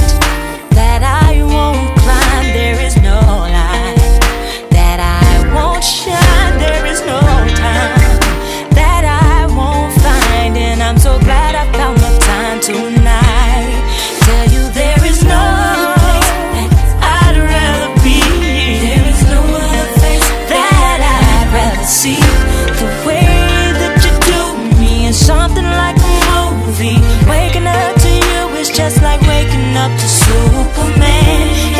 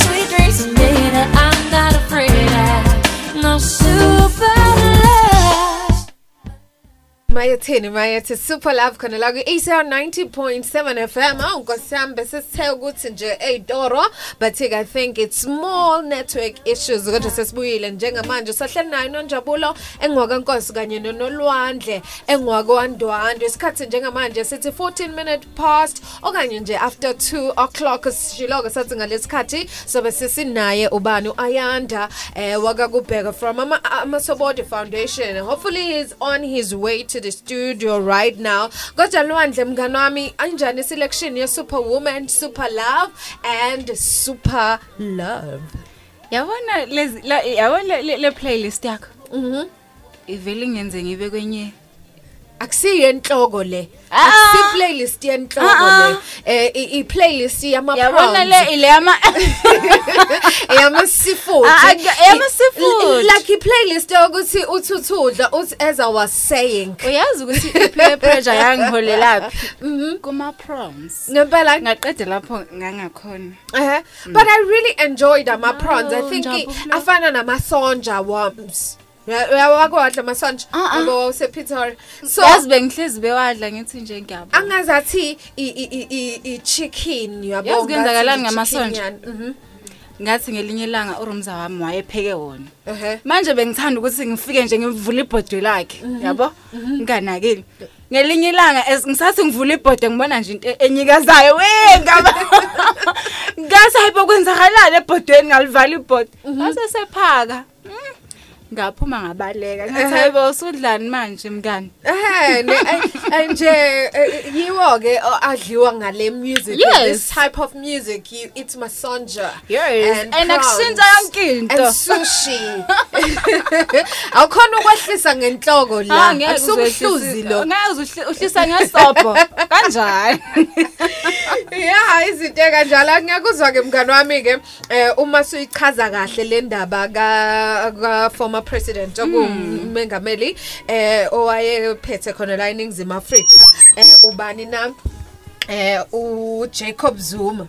So eh what happened was angithi ngoba adusha ukuthi eh ufuna usizo ngani eh ngokuseklisha eh ama legal like legal aid Mm, ukusiza ngani sasisakhuluma ke futhi ukuthi kubaleke kanjani ukuthi as a person you must have ini illegal aid sase sabala futhi ukuthi eh yini okubalekile izinto kumele ube nazo yabo Mm. sathi yini sathi illegal aid sathi medical aid sase sathi eh yini I-insurance. i- i- i- i- insurance for your car And if you i-life have a car cover. bese kuba i-life cover ne Yeah. funeral policy Mm. and then we explained ukuthi kuhluke kuphi ini i-funeral policy kanye nani ne ne ne Ne-life ne life cover. cover right so i-medical aid uyabona ukuthi uyayidinga noma ngabe wawuphethizwe at some point but you need legal representation exactly ukuze Bengazi. uzokhona ukuthi eh should anything happen to you kanye should anything happen to your family members kuyingane yakho Mm. njengamanje khona i-human trafficking Yabo? ingane kuthiwa I-rape. kuthiwa every 5 seconds kureshwa ingane eningizimu Afrika Mm. can you believe how many children are being raped and eh kukhona lezi zinto zokuthi eh eningizimu Afrika umuntu okuhlukumezile umuntu eh o- o- o- o- obulale ilungu lomndeni wakho umuntu eh owenza ubuhlungu ekhayikini thola ukuthi nihlangana naye etradeni nihlangane naye emathexini Ibhambela nihlangane nje. aka afuthi akanankinga Akazi ukuthi kube nokwazi. kwezekalani uyabo leyo nto so a- akusiko ukuthi uyayi-inshora wena uma une-legal aid umuntu ukuthi ekhani uzokhona ukwenza izinto ezibhedayo bese a simple thing ukuthi ulahlekelwe umsebenzi Mm. Sometimes when you lose your job. Thola ukuthi awu- awu- awu- awu- awu- awulahlekelwanga ngendlela okuyiyo. Abafollowanga ama-procedures bekumele ba you need a lawyer for that. Yabo. yabo udinga ummeli ukuthi akurepresent. So you need ini you need illegal aid. Kodwa ngathi bayam- ba- ba- hayi bayamhlumuka ngempela. ufunda Eh, ulo umengameli bathi nje abantu hayi hayi we won't play. You us thina. We are so over that. Uyabo izinto ngoba ekanjalo sizoba ney'mali zethu usufuna imali? Ngoba sesi- sesinama 3500 ngama 3500 usufuna imali? Oh, nangu Ah. nangu uJacob eh uyabo. So eh ziningi kakhulu izinto e- ezikudingayo futhi uyayidinga lokho. And i wish ukuthi eh in some other time sibe nayo umuntu from legal aid ezos explainela ukuthi eh kubaleke kangakanani ukuthi ube nayo. Kube yinto nje ukhokhela each and every month. Noma ungekwizi uyidinge manje immediately kodwa siyazi ukuthi uzoyidinga nini? Uzoyidinga mhlawumbe in 5 years to come okanye in eh, in 10 years to come. Kodwa uzoyithola leyo nto ngoba nama premiums akhona mnandi ngokuthini? Eh mhlambe if akwazi ukuclaim lutho for a certain period of time uyakhona ukuthi uthole yonke le- e- e- ihalf mhlawumbe ama premiums akho back. And then ulokhu uqhubekile. So akusi scam akusikuthi mhlambe umgodi nje lokhu ufakile Mm. ufakile ufakile kuwona. Mase ufakile wabona lutho akwenzeki lutho you can go back to that hole futhi ufike uthathe. And yes and claim usho ukuthi cha kuze kube imanje akaze kwenzeke. i-life cover yazi bengingaboni ukuthi ibaluleke ngale ndlela le. Mhm. especially if kuwukuthi ubaba oyinhloko yekhaya. Ehe. Bese eyathola ukuthi uya uyashona. Mhm. Yabo ukuthi kuyosala kuyinkinga lapho. Eh kusala vele so kuma umuntu mayeseshonile lo obeyilunga lapho uyakhona ukuthi izingane ziyasala ziyaclaima. Mhm. Yeah. Hey so zisebenzise nayo le legal aid scheme yakho kade uyithathile ukuthi ithole lezo imali bana bana maloya la awusuke ungawakhokhela ama premium thola ukuthi usethi eh ngizokwenzela ukuthi kakhulukazi ko rough yabo eh na mm, na- mm. nasemafeni thola ukuthi se- sebathi eh ngizokutholela imali yakho kodwa ngifuna Uhalf. 50% Uhalf. like Uyawazi uhalf? 50% uyawazini ngempela Oh. ukuthi eh u- u- u- u- uhalf usuke Yini kulokho le? kanjani Yeah. but it's fine. Ayadingeka lento Oh nelighter note ke kuthiwa ke lihlehlisiwe ke eh ngolabhabha igcokama. Listen, I love Maskandi, right? Ungixoxele ke leyo ndaba yazi. Mana ngixoxela. So na na into engiyithandayo mnganami yezwa ke ke industry yase South Africa njengamanje. Uyazi kukhona lento ekuthiwa ibeef esuke iyenzakala phakathi kwabaculi. Uthola ukuthi umculi lo unenkinga nomculi lo. Kodwa iculture ye- yomaskandi ngazathi uma uzoya phezulu kumele kube khona umuntu omgxubayo kahle kahle. Exactly. Kuzwakala ukuthi Maskandi-ke ngiyamkhona. loyo. So ngibone i-hip hop manje kade kwenzeka nakhona ukuthi yabo mhlawumbe khona okhipha i-diss track. yabo esho ukuthi hayi uCasper uwekhi kanjani kanjani kanjani kanjani? Yabo eh manje abasawaphenduli. Ngicabanga ukuthi manje eh ngendaba zama brand nokuthi yabo ba kanjani that's why eh bengakhona ukwenzani bengakhona ukuthi manje be be be, reply kulama diss track but come to Maskandi. Yabona uMaskandi mfethu eh uyaklebheka nje wakhipha ingoma wathi ubani wenzeni nalo uyakhipha ingoma esho. So that way abalandeli bayazi ukuthi hawu ubani Khuluma utheni nobani. ngegcokama hawu ubani utheni? Mm. ngani ngani? Uyabo lezi zinto ekanjalo. And ke kuba buhlungu kakhulu uma sek escalator sekufika ekutheni eh beze be be beshana ngolabhabha kanje kodwa yabo leli gama lithi labhabha lingikhumbuza wena uh, konje wawuthini ngalela langa Jabula.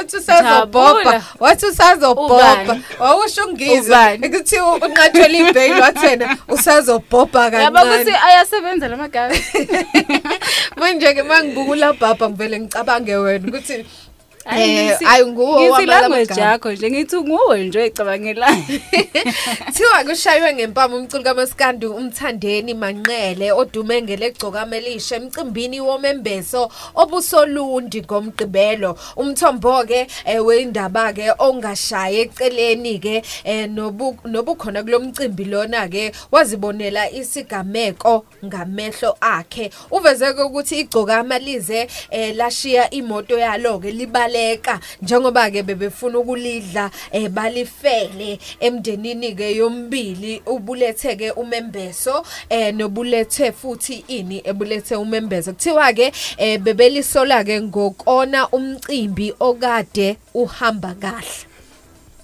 Uthi-ke kulo mcimbi lona ke bekumenywe ke osaziwayo ukhuzane naye bekhona kulabo bantu eh ubeke secelwa ke ukhuzane ukuthi acule eh nokuyilapho ke bese kufika khona ke ungizwe ehamba negcokama eh nabangani babo ke. Eh ngesikhathi ke umphathi wohlelo ememeza ukuthi eh kuzongena ukhuzani yilaba ngene khona ke eh igcokama eminyango laqonda nje stage lafike lathatha umbhobho eh kumphathi hlelo eh kubeke nomsindo kwaphoqa ukuthi owesilisa obelethe umembeso asukume atshela ungizwe negcokama ukuthi ke mabaphume njengoba eh bebezomonela umcimbi wakhe. Kodwa ungizwe ke lokhu eh, eh eh, bengakuzwanga lesikhathi kushiwo. Umsindo ke waqhubeka eh, kuyilapho ke ukhuzane ephume khona eh ngokuthwakama ke nange nokuthukana nangeinhlamba kubizwe ke onogada eh bamkhipha ke etendeni.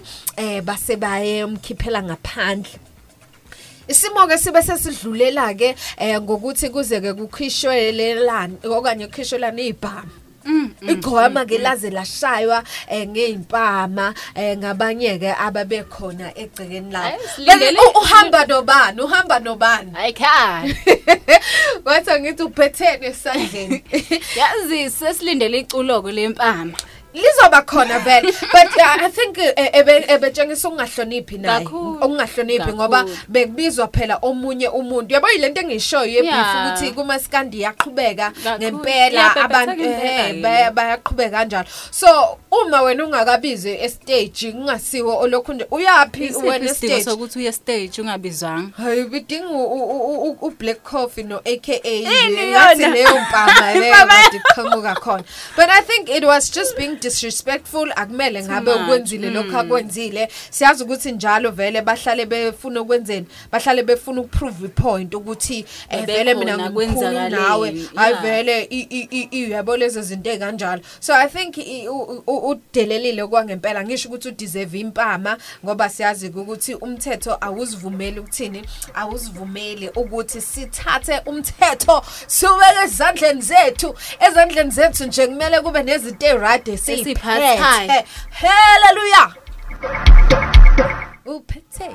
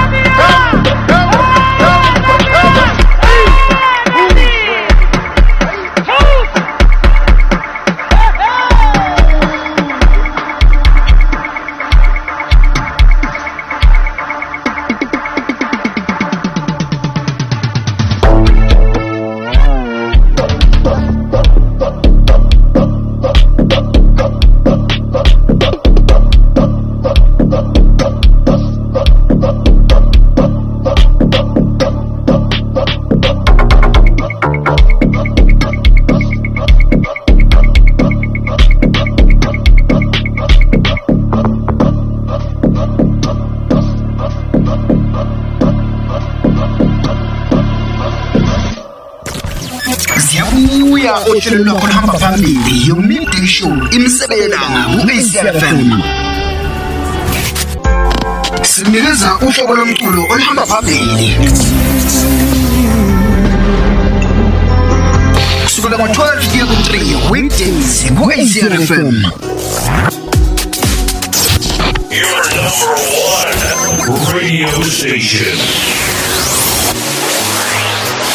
imsebelelanga ku-acfm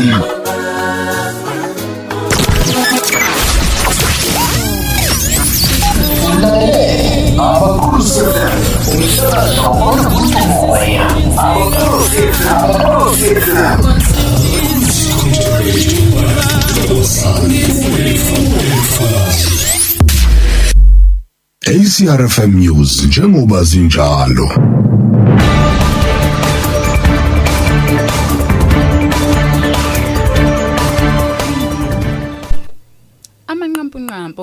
gamanxa kwehora lesibili ofundelwa nolwandle wakandwandwe sawubona mlaleli. Babuyele ekushintshaneni abafundi kwezinye izikole kanti kushintshe indlela ANC eqoka ngayo izimeya lezi kanye nezinye uma kubumbana ihora lesithathu ngaye unolwandle wakandwandwe ACRFM News njengoba zinjalo.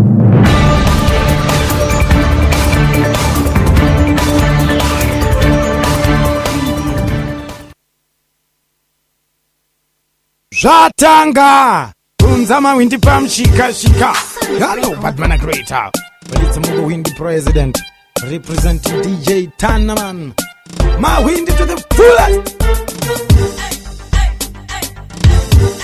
Big up DJ Taraman, the coolest. Alright then. Ili ndo zimkanyanyanyanya nikanyanyanya ndorova madinga musango manyanya yeah. It's a big up DJ Tanaman Madino Pula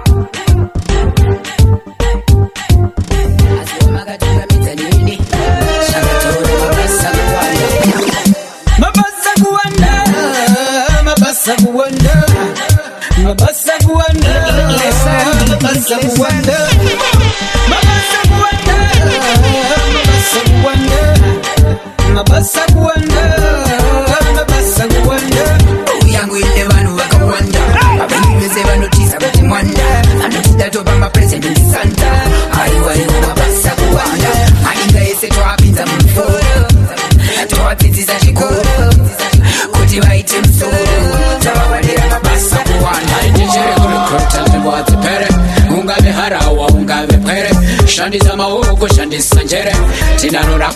sakawanda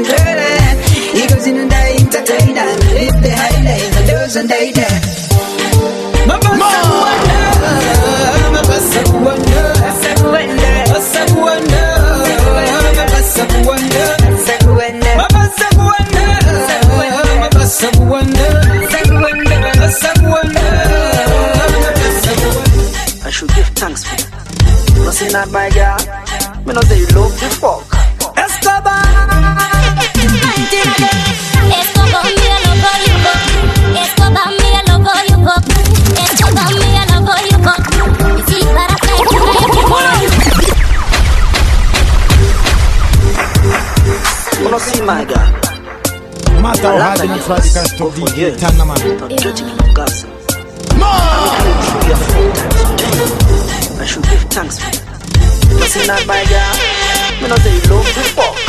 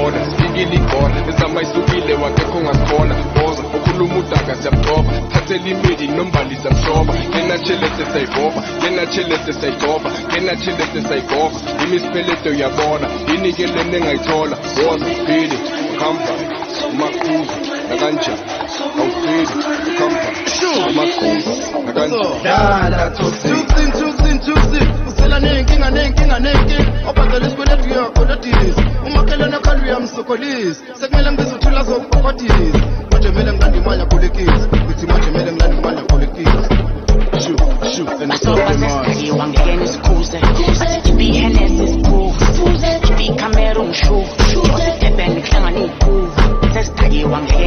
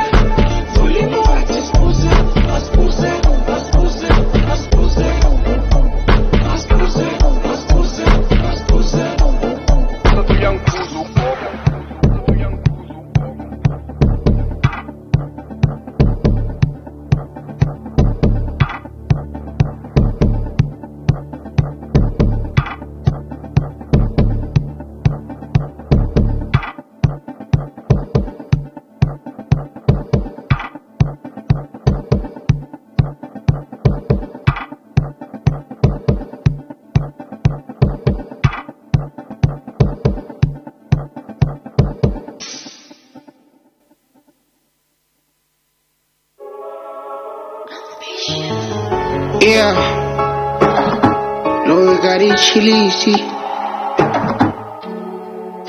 Yeah. Smoke on the beat, boy. Yeah. Flow we got it chilly. I pull up in the game, nigga, feel me. Antaba jo. Kina sterini. I'm sick. Phila ka dipidisi.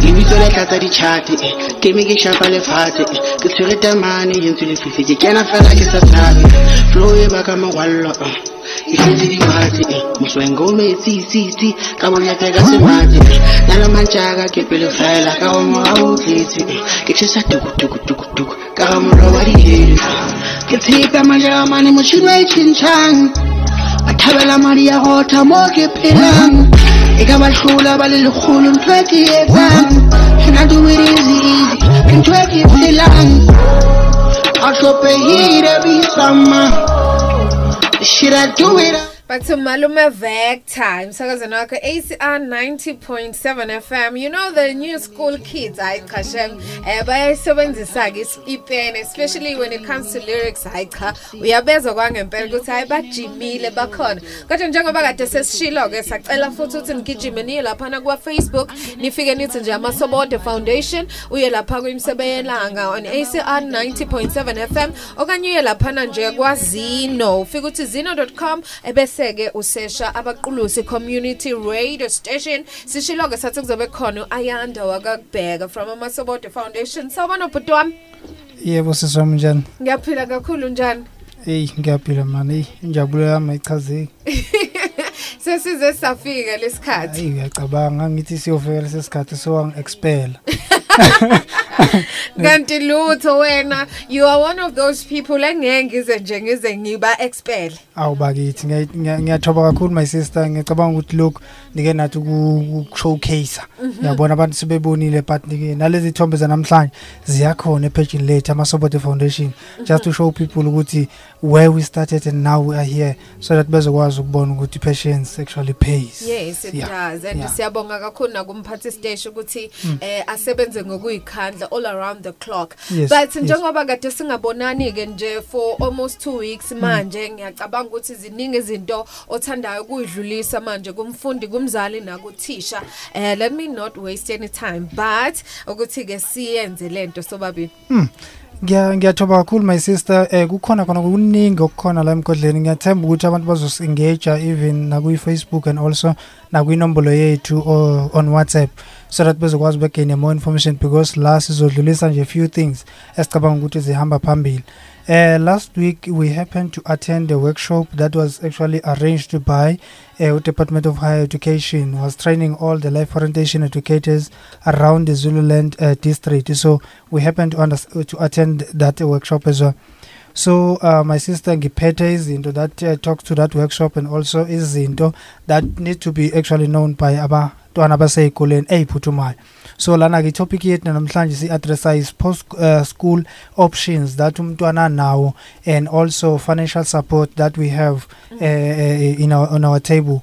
So masikhuluma ke my sister ngo post school uh, options sisuke sikhuluma ngezinto ongakhona ukuzenza mawuqeda isikole kube nombuzo ke lapha enojabulo ophumile. Eh, lokho ngibabuza nje ndawo zonke la eh, engikhuluma khona ngale ndaba ze career development ukuthi isikole kahle kahle siphela nini wena Njabulo? Ngicela ukuphendula nje. Ungacabanga kakhulu. Ukuthi siphela at what grade? Ah ngicabanga ukuthi siphelele kuma masters. nkosi wami. Eh, ngiyithanda ingqondo yakho yazi?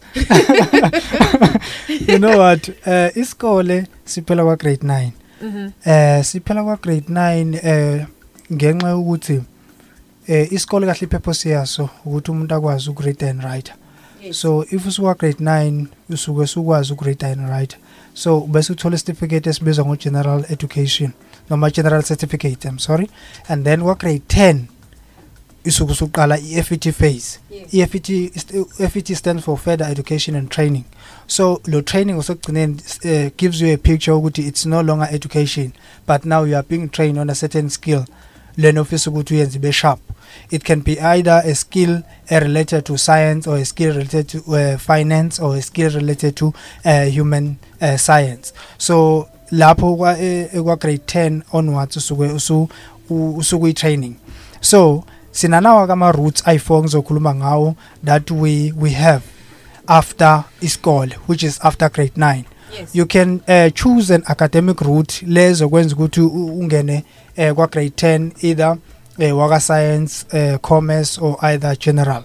So that is an academic route that you have. Mhm. that is one option. Edinga nje ukuthi uphase ugrade 9 and then you can then uh, continue with grade 10 11 and 12 ngokwasesikoleni Yes. that is route number 1 then route number 2 it is vocational route. Vocational route ilona othi phum u- u- u- ukhona ukuphuma ngawo. Uma usuno grade 9 ubheke e-college uyokwenza lento esiyibiza nge-NCV uyofunda manje towards ikhono elithile still but manje you are more specific because mawukuthi eh uhambe waya emthashana mhlawumbe wofunda towards engineering ufike lapha yana wenziswa english wenziswa i-life orientation bese wenza izifundo zase zase college. Mhm. that are prescribed by higher education in terms of ama NQF levels. So lona osuke e- ethe eh, ukho- uqhubeka no science wasesikoleni usase general because wenza yes nakuzana i English ne life orientation but bese faka nalezi zifundo of physical sciences life sciences. So i life science has really nothing to do with engineering but kumele ukuthi ayenze because i part of i package yalesi yale route ayichuzile. Yes. then bese siba ne learnership route i learnership route lapho khona ufundiswa khona ufunda through ama learnership and then uthola ama certificate upon i complete i completion yaleyo course usuka kade uyenza. Normally ayabe o 1 year ama learnerships Mm. so ama learnerships ke siwathola kuyo yonke kuwo wonke ama departments esinawo so ama departments which means we we we having 21 departments because ama learnership that we have we we have uh, we get them from sitters i mean Yes. we get learnership from sitters and sitters are in each and every department Mhm. so ama sitters is now 21 so th these sitters kumele ukuthi u- uyazi sithi hambisana interest yakho for an example if une interest kwa finance so i sitter that will be relevant will be a bank sitter Mm. i bank sitter izokunikeza ama programs la akuyi demand ngokwa banking sector Yes. so bese ukwazi ukuthi uthole ukuthi iyiphi i-learnership azobe yikhipha the following year Mhm. then bese ukwazi uku-apply for that particular learnership and then ukwazi ukufunda towards that particular career then there is something called apprenticeship apprenticeship is uh, uh, focusing mostly ku-engineering.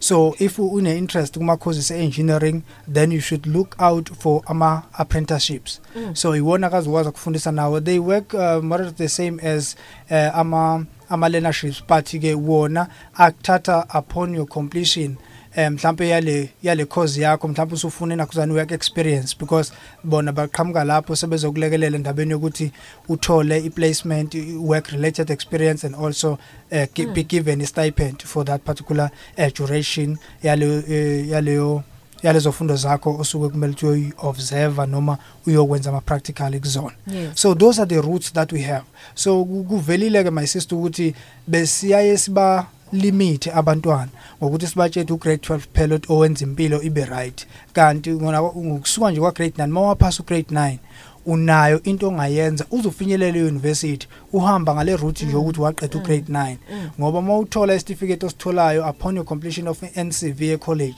siba kwi-level uh, which is the same as i-level ka-grade 12 which Yes. is NQF level 4 so ma usuka ngo-NQF level 4 apply university uba kwi-advantage because wena le course ubuyenza e-college it's more specific than i-stream ebesenziwa umuntu othatha uscience ngokwasesikoleni Oh, okay. e- eyasesikoleni sase broad sase open kakhulu. Nane environment abefunda phansi kwawo lo mntwana isase ile yasesikoleni ehambisana ne peer pressure and all those things. Kanti lona ngalana it's more now direct. Makuthi benza ubusiness ufuthi wenzile nama practical ngoba ubese college so if i university izama ukassess ama applications then kuba more advantageous for umuntu ofunde through NCV angiyazi ukuthi bekulwazi lolu belikade licashile kwanziwa ukuthi nje abantu abaphumelele nabantu abazophumelela abantu abenze ubaphumelele kahle umatric Mm. kunenye into ke sengwaqedile ama roots eh ebekade iconfuse abantu ukuthi umatric eh sesinonjabulo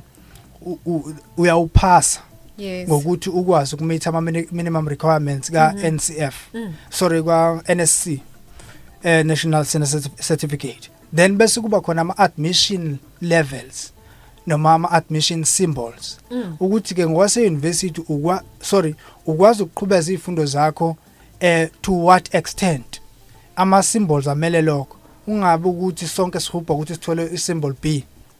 Eh ungawuthola i-symbol H for higher certificate symbol D for diploma symbol uh, B for uh, any bachelor program.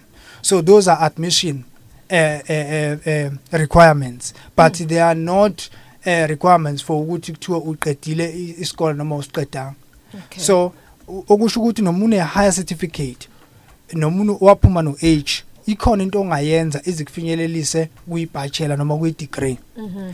ngokuthi eh, ama-university amaningi awavamisile uku-advertisa ama uh, qualification awe higher certificate but akhona in most of the universities so for an example e- e-unisa nje ikhona into kuthiwa i-higher certificate in education so Mm. if uyenza leyo yinto then it will make you reach a level ezokwazi ukuthi we- uqualify for a qualification yakuphi yakwi uh, diploma level Mm. so you can do an education at a, a diploma level and also continue to do upon completion ye diploma level you can also apply for a bachelor's degree now yakuphi? Yakhona kwa education and become an educator. Ekubeni wakwazi uthola u-H kuphi? Eh, ekuphumeni kwakho kwa matric so leyo information bekade icashile kakhulu my sister but eh ngokuthi si-attend this workshop we got i-confirmation yokuthi ngempela i- i- impilo it's not about uh, getting u-B. Yabo Yes. impilo it's in your mind and no having in correct information so that uzokwazi ukuthi uqhubeze izifundo zakho uh, without any challenges. Because okunye ke ngifuna ukungena khona manje it is financial support. Financial support has always been like uh, i-financial support esinayo South Africa it's NSFAS yes. Eh akusikho lokho. Eh ngiyacabanga ukuthi yoba sinawo lapha ephejini eh ukuwabona ngisenda le information NSFAS ngufaka egcineni Mhm, bonile just kakhulu. just to show ukuthi NSFAS uyinto yokugcina ngoba eh, iyinkinga sizizwayo nje zezeyimali eh that 18 abafundi come from NSFAS Mhm. so which means into enabantu abaningi nemukela abantu abaningi vele it will always be uh, presenting ama issues Kuzoba nestampede. uyabona kuzogcwala kakhulu Mm. ibe yi super spreader Yes. Okay. Uh so ama bursaries akhishwe yina ama department alandelayo sinawo. So singakwazi uma uyidinga based on into oyiapplyelile then esikwazi ukuthi siyenze be available. Si u- u National Agricultural uh, Agriculture Marketing Council uyikhiphile ibhasari. Mm. South African Institute of Race Relations uyikhiphile ibhasari. Thi- Eh uthuthuka bursary is also available. Mm. uSandral uzowenza each advert on some of the radio stations uyasho ukuthi u- ulindele abantwana abayine interest ey'ntweni nje zezomgwaqo either civil ukwakha imigwaqo and logistic and anything izinto e-related to imigwaqo bengakwazi ukuthi abantu be-apply for that particular bursary netbank keep bursary llb eh, eh, eh, there's llb bursary as well Mm. ekhona in our office then agriculture land reform and rural development kune-bursary oyikhiphile international bursary for film and tv studies Wow. ikhona leyo bursary bese kuba u-afrimat my dear sister ngiyakhumbula ukuthi sasubone khona la ekhaya Eh, yes. yes so CSIR which is Council for Science and uh, Industrial Research nayo ikhiphile nakhuzana ibhasari Mm. water and sanitation there's a bursary from that department then the last one it is NSFAS Ekugcineni Yes. emsileni.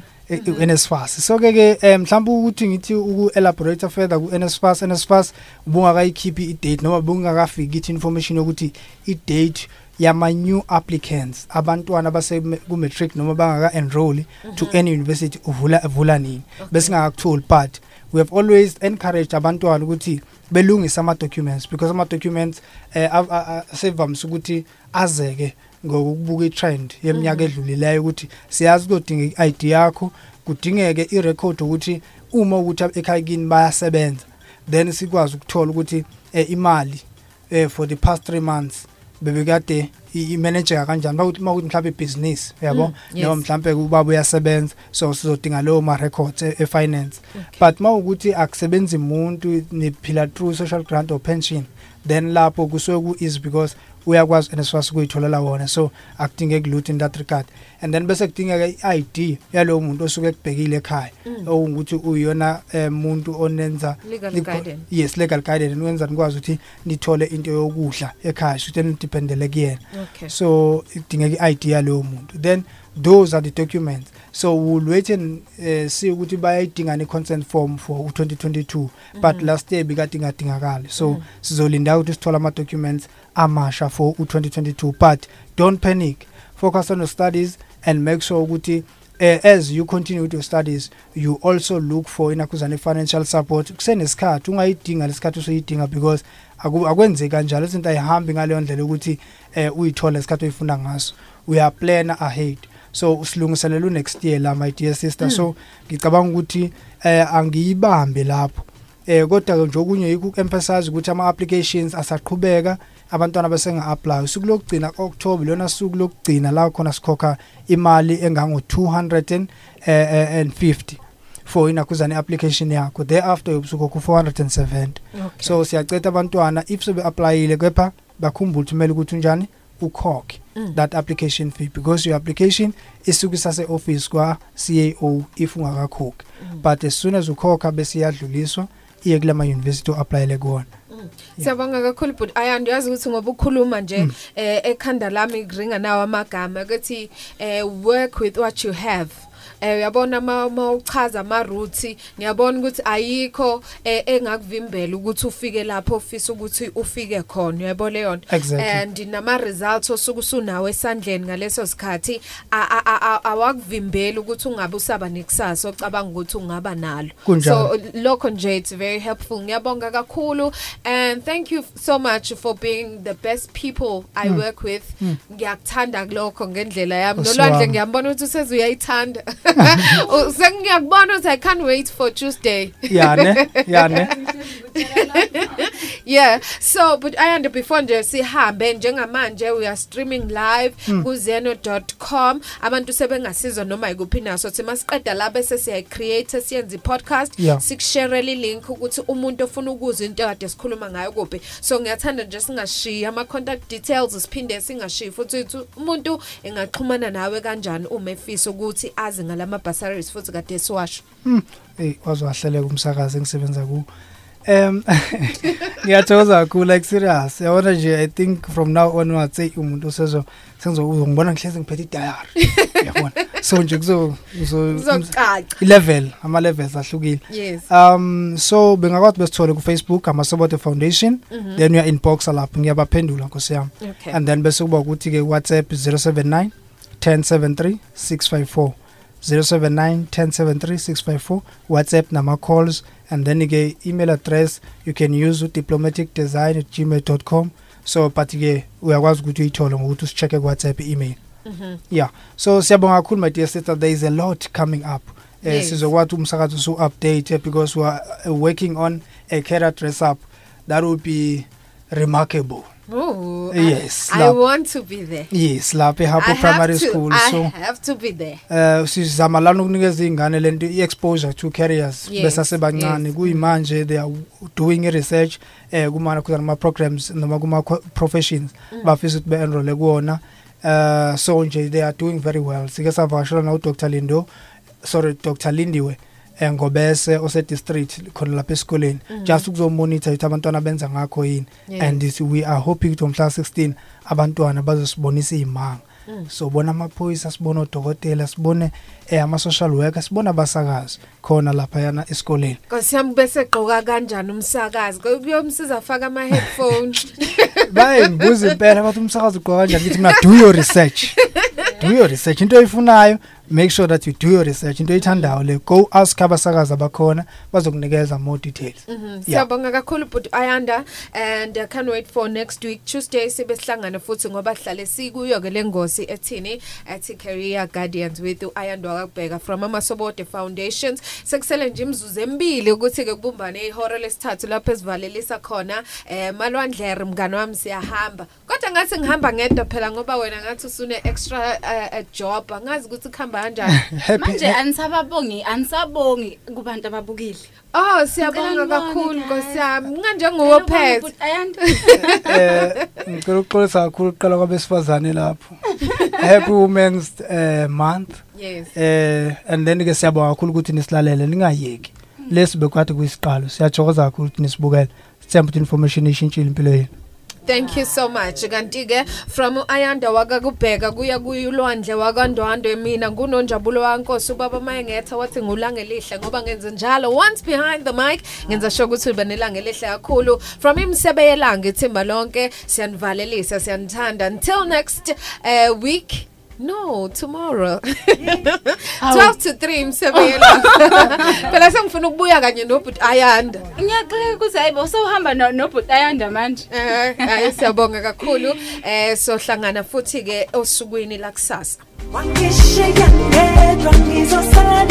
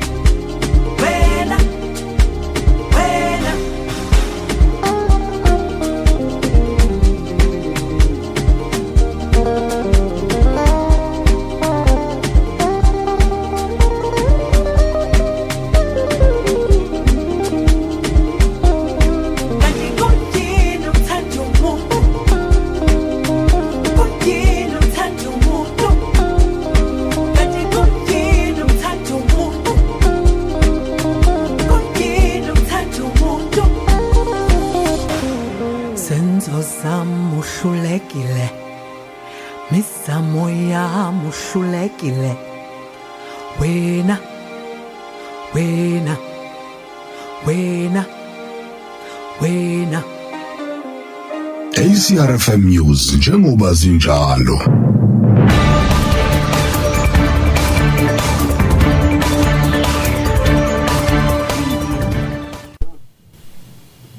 Lasho labumbana ke ihora lesithathu ufundelo nolwandle wakandwandwe sawubona mlaleli. Kanti iKwaZulu Natal nezinye zazo sezinqume ukubuyela ohlelweni lokushintshana kwabafundi ukuzama ukwehlisa lezi zibalo ze-COVID-19 ACRFM News njengoba zinjalo.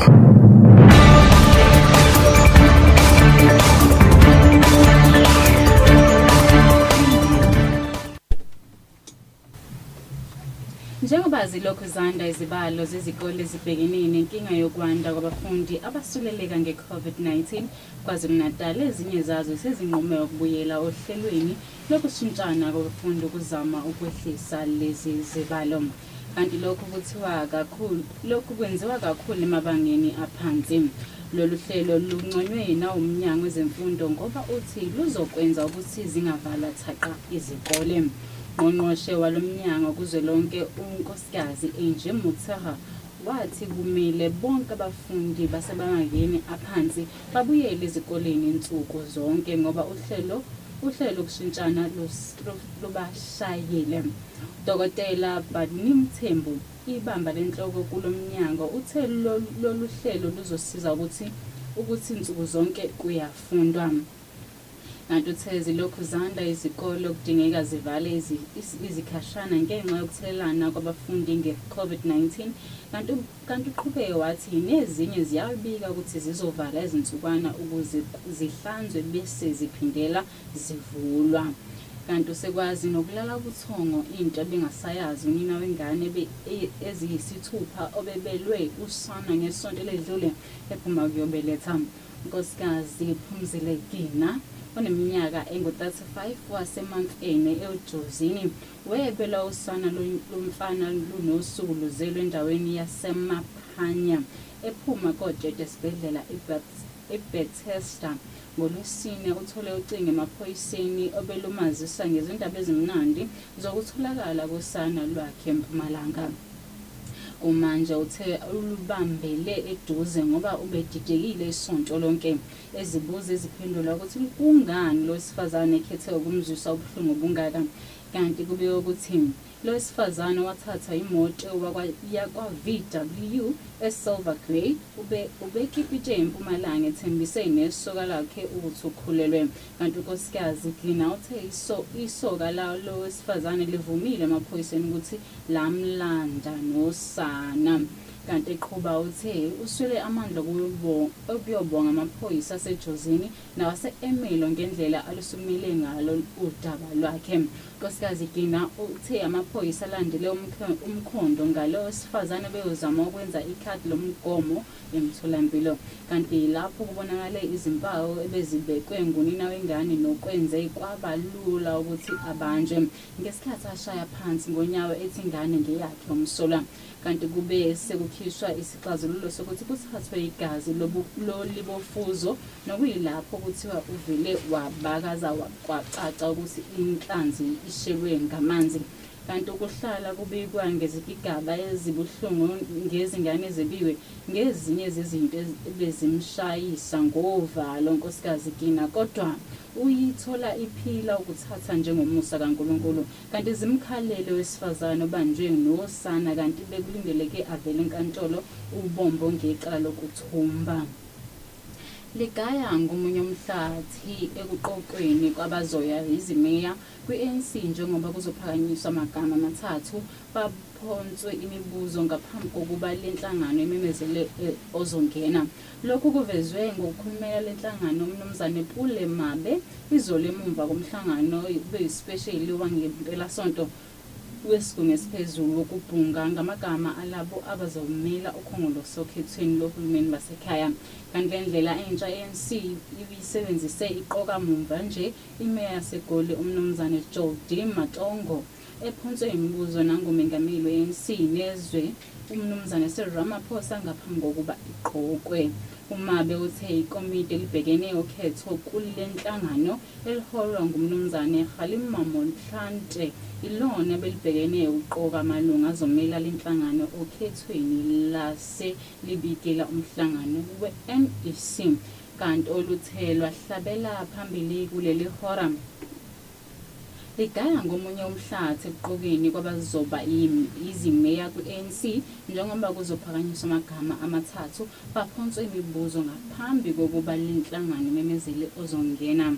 Ziguqa lapha-ke mlaleli ezakuleli hora asiphinde sihlangabezane ngamanqampunqampu okugamanxa kwehora lesithathu ngaye usibonelo enguwakambatha eyakandwande ntombi ithi khumuke manje ACRFM News njengoba zinjalo.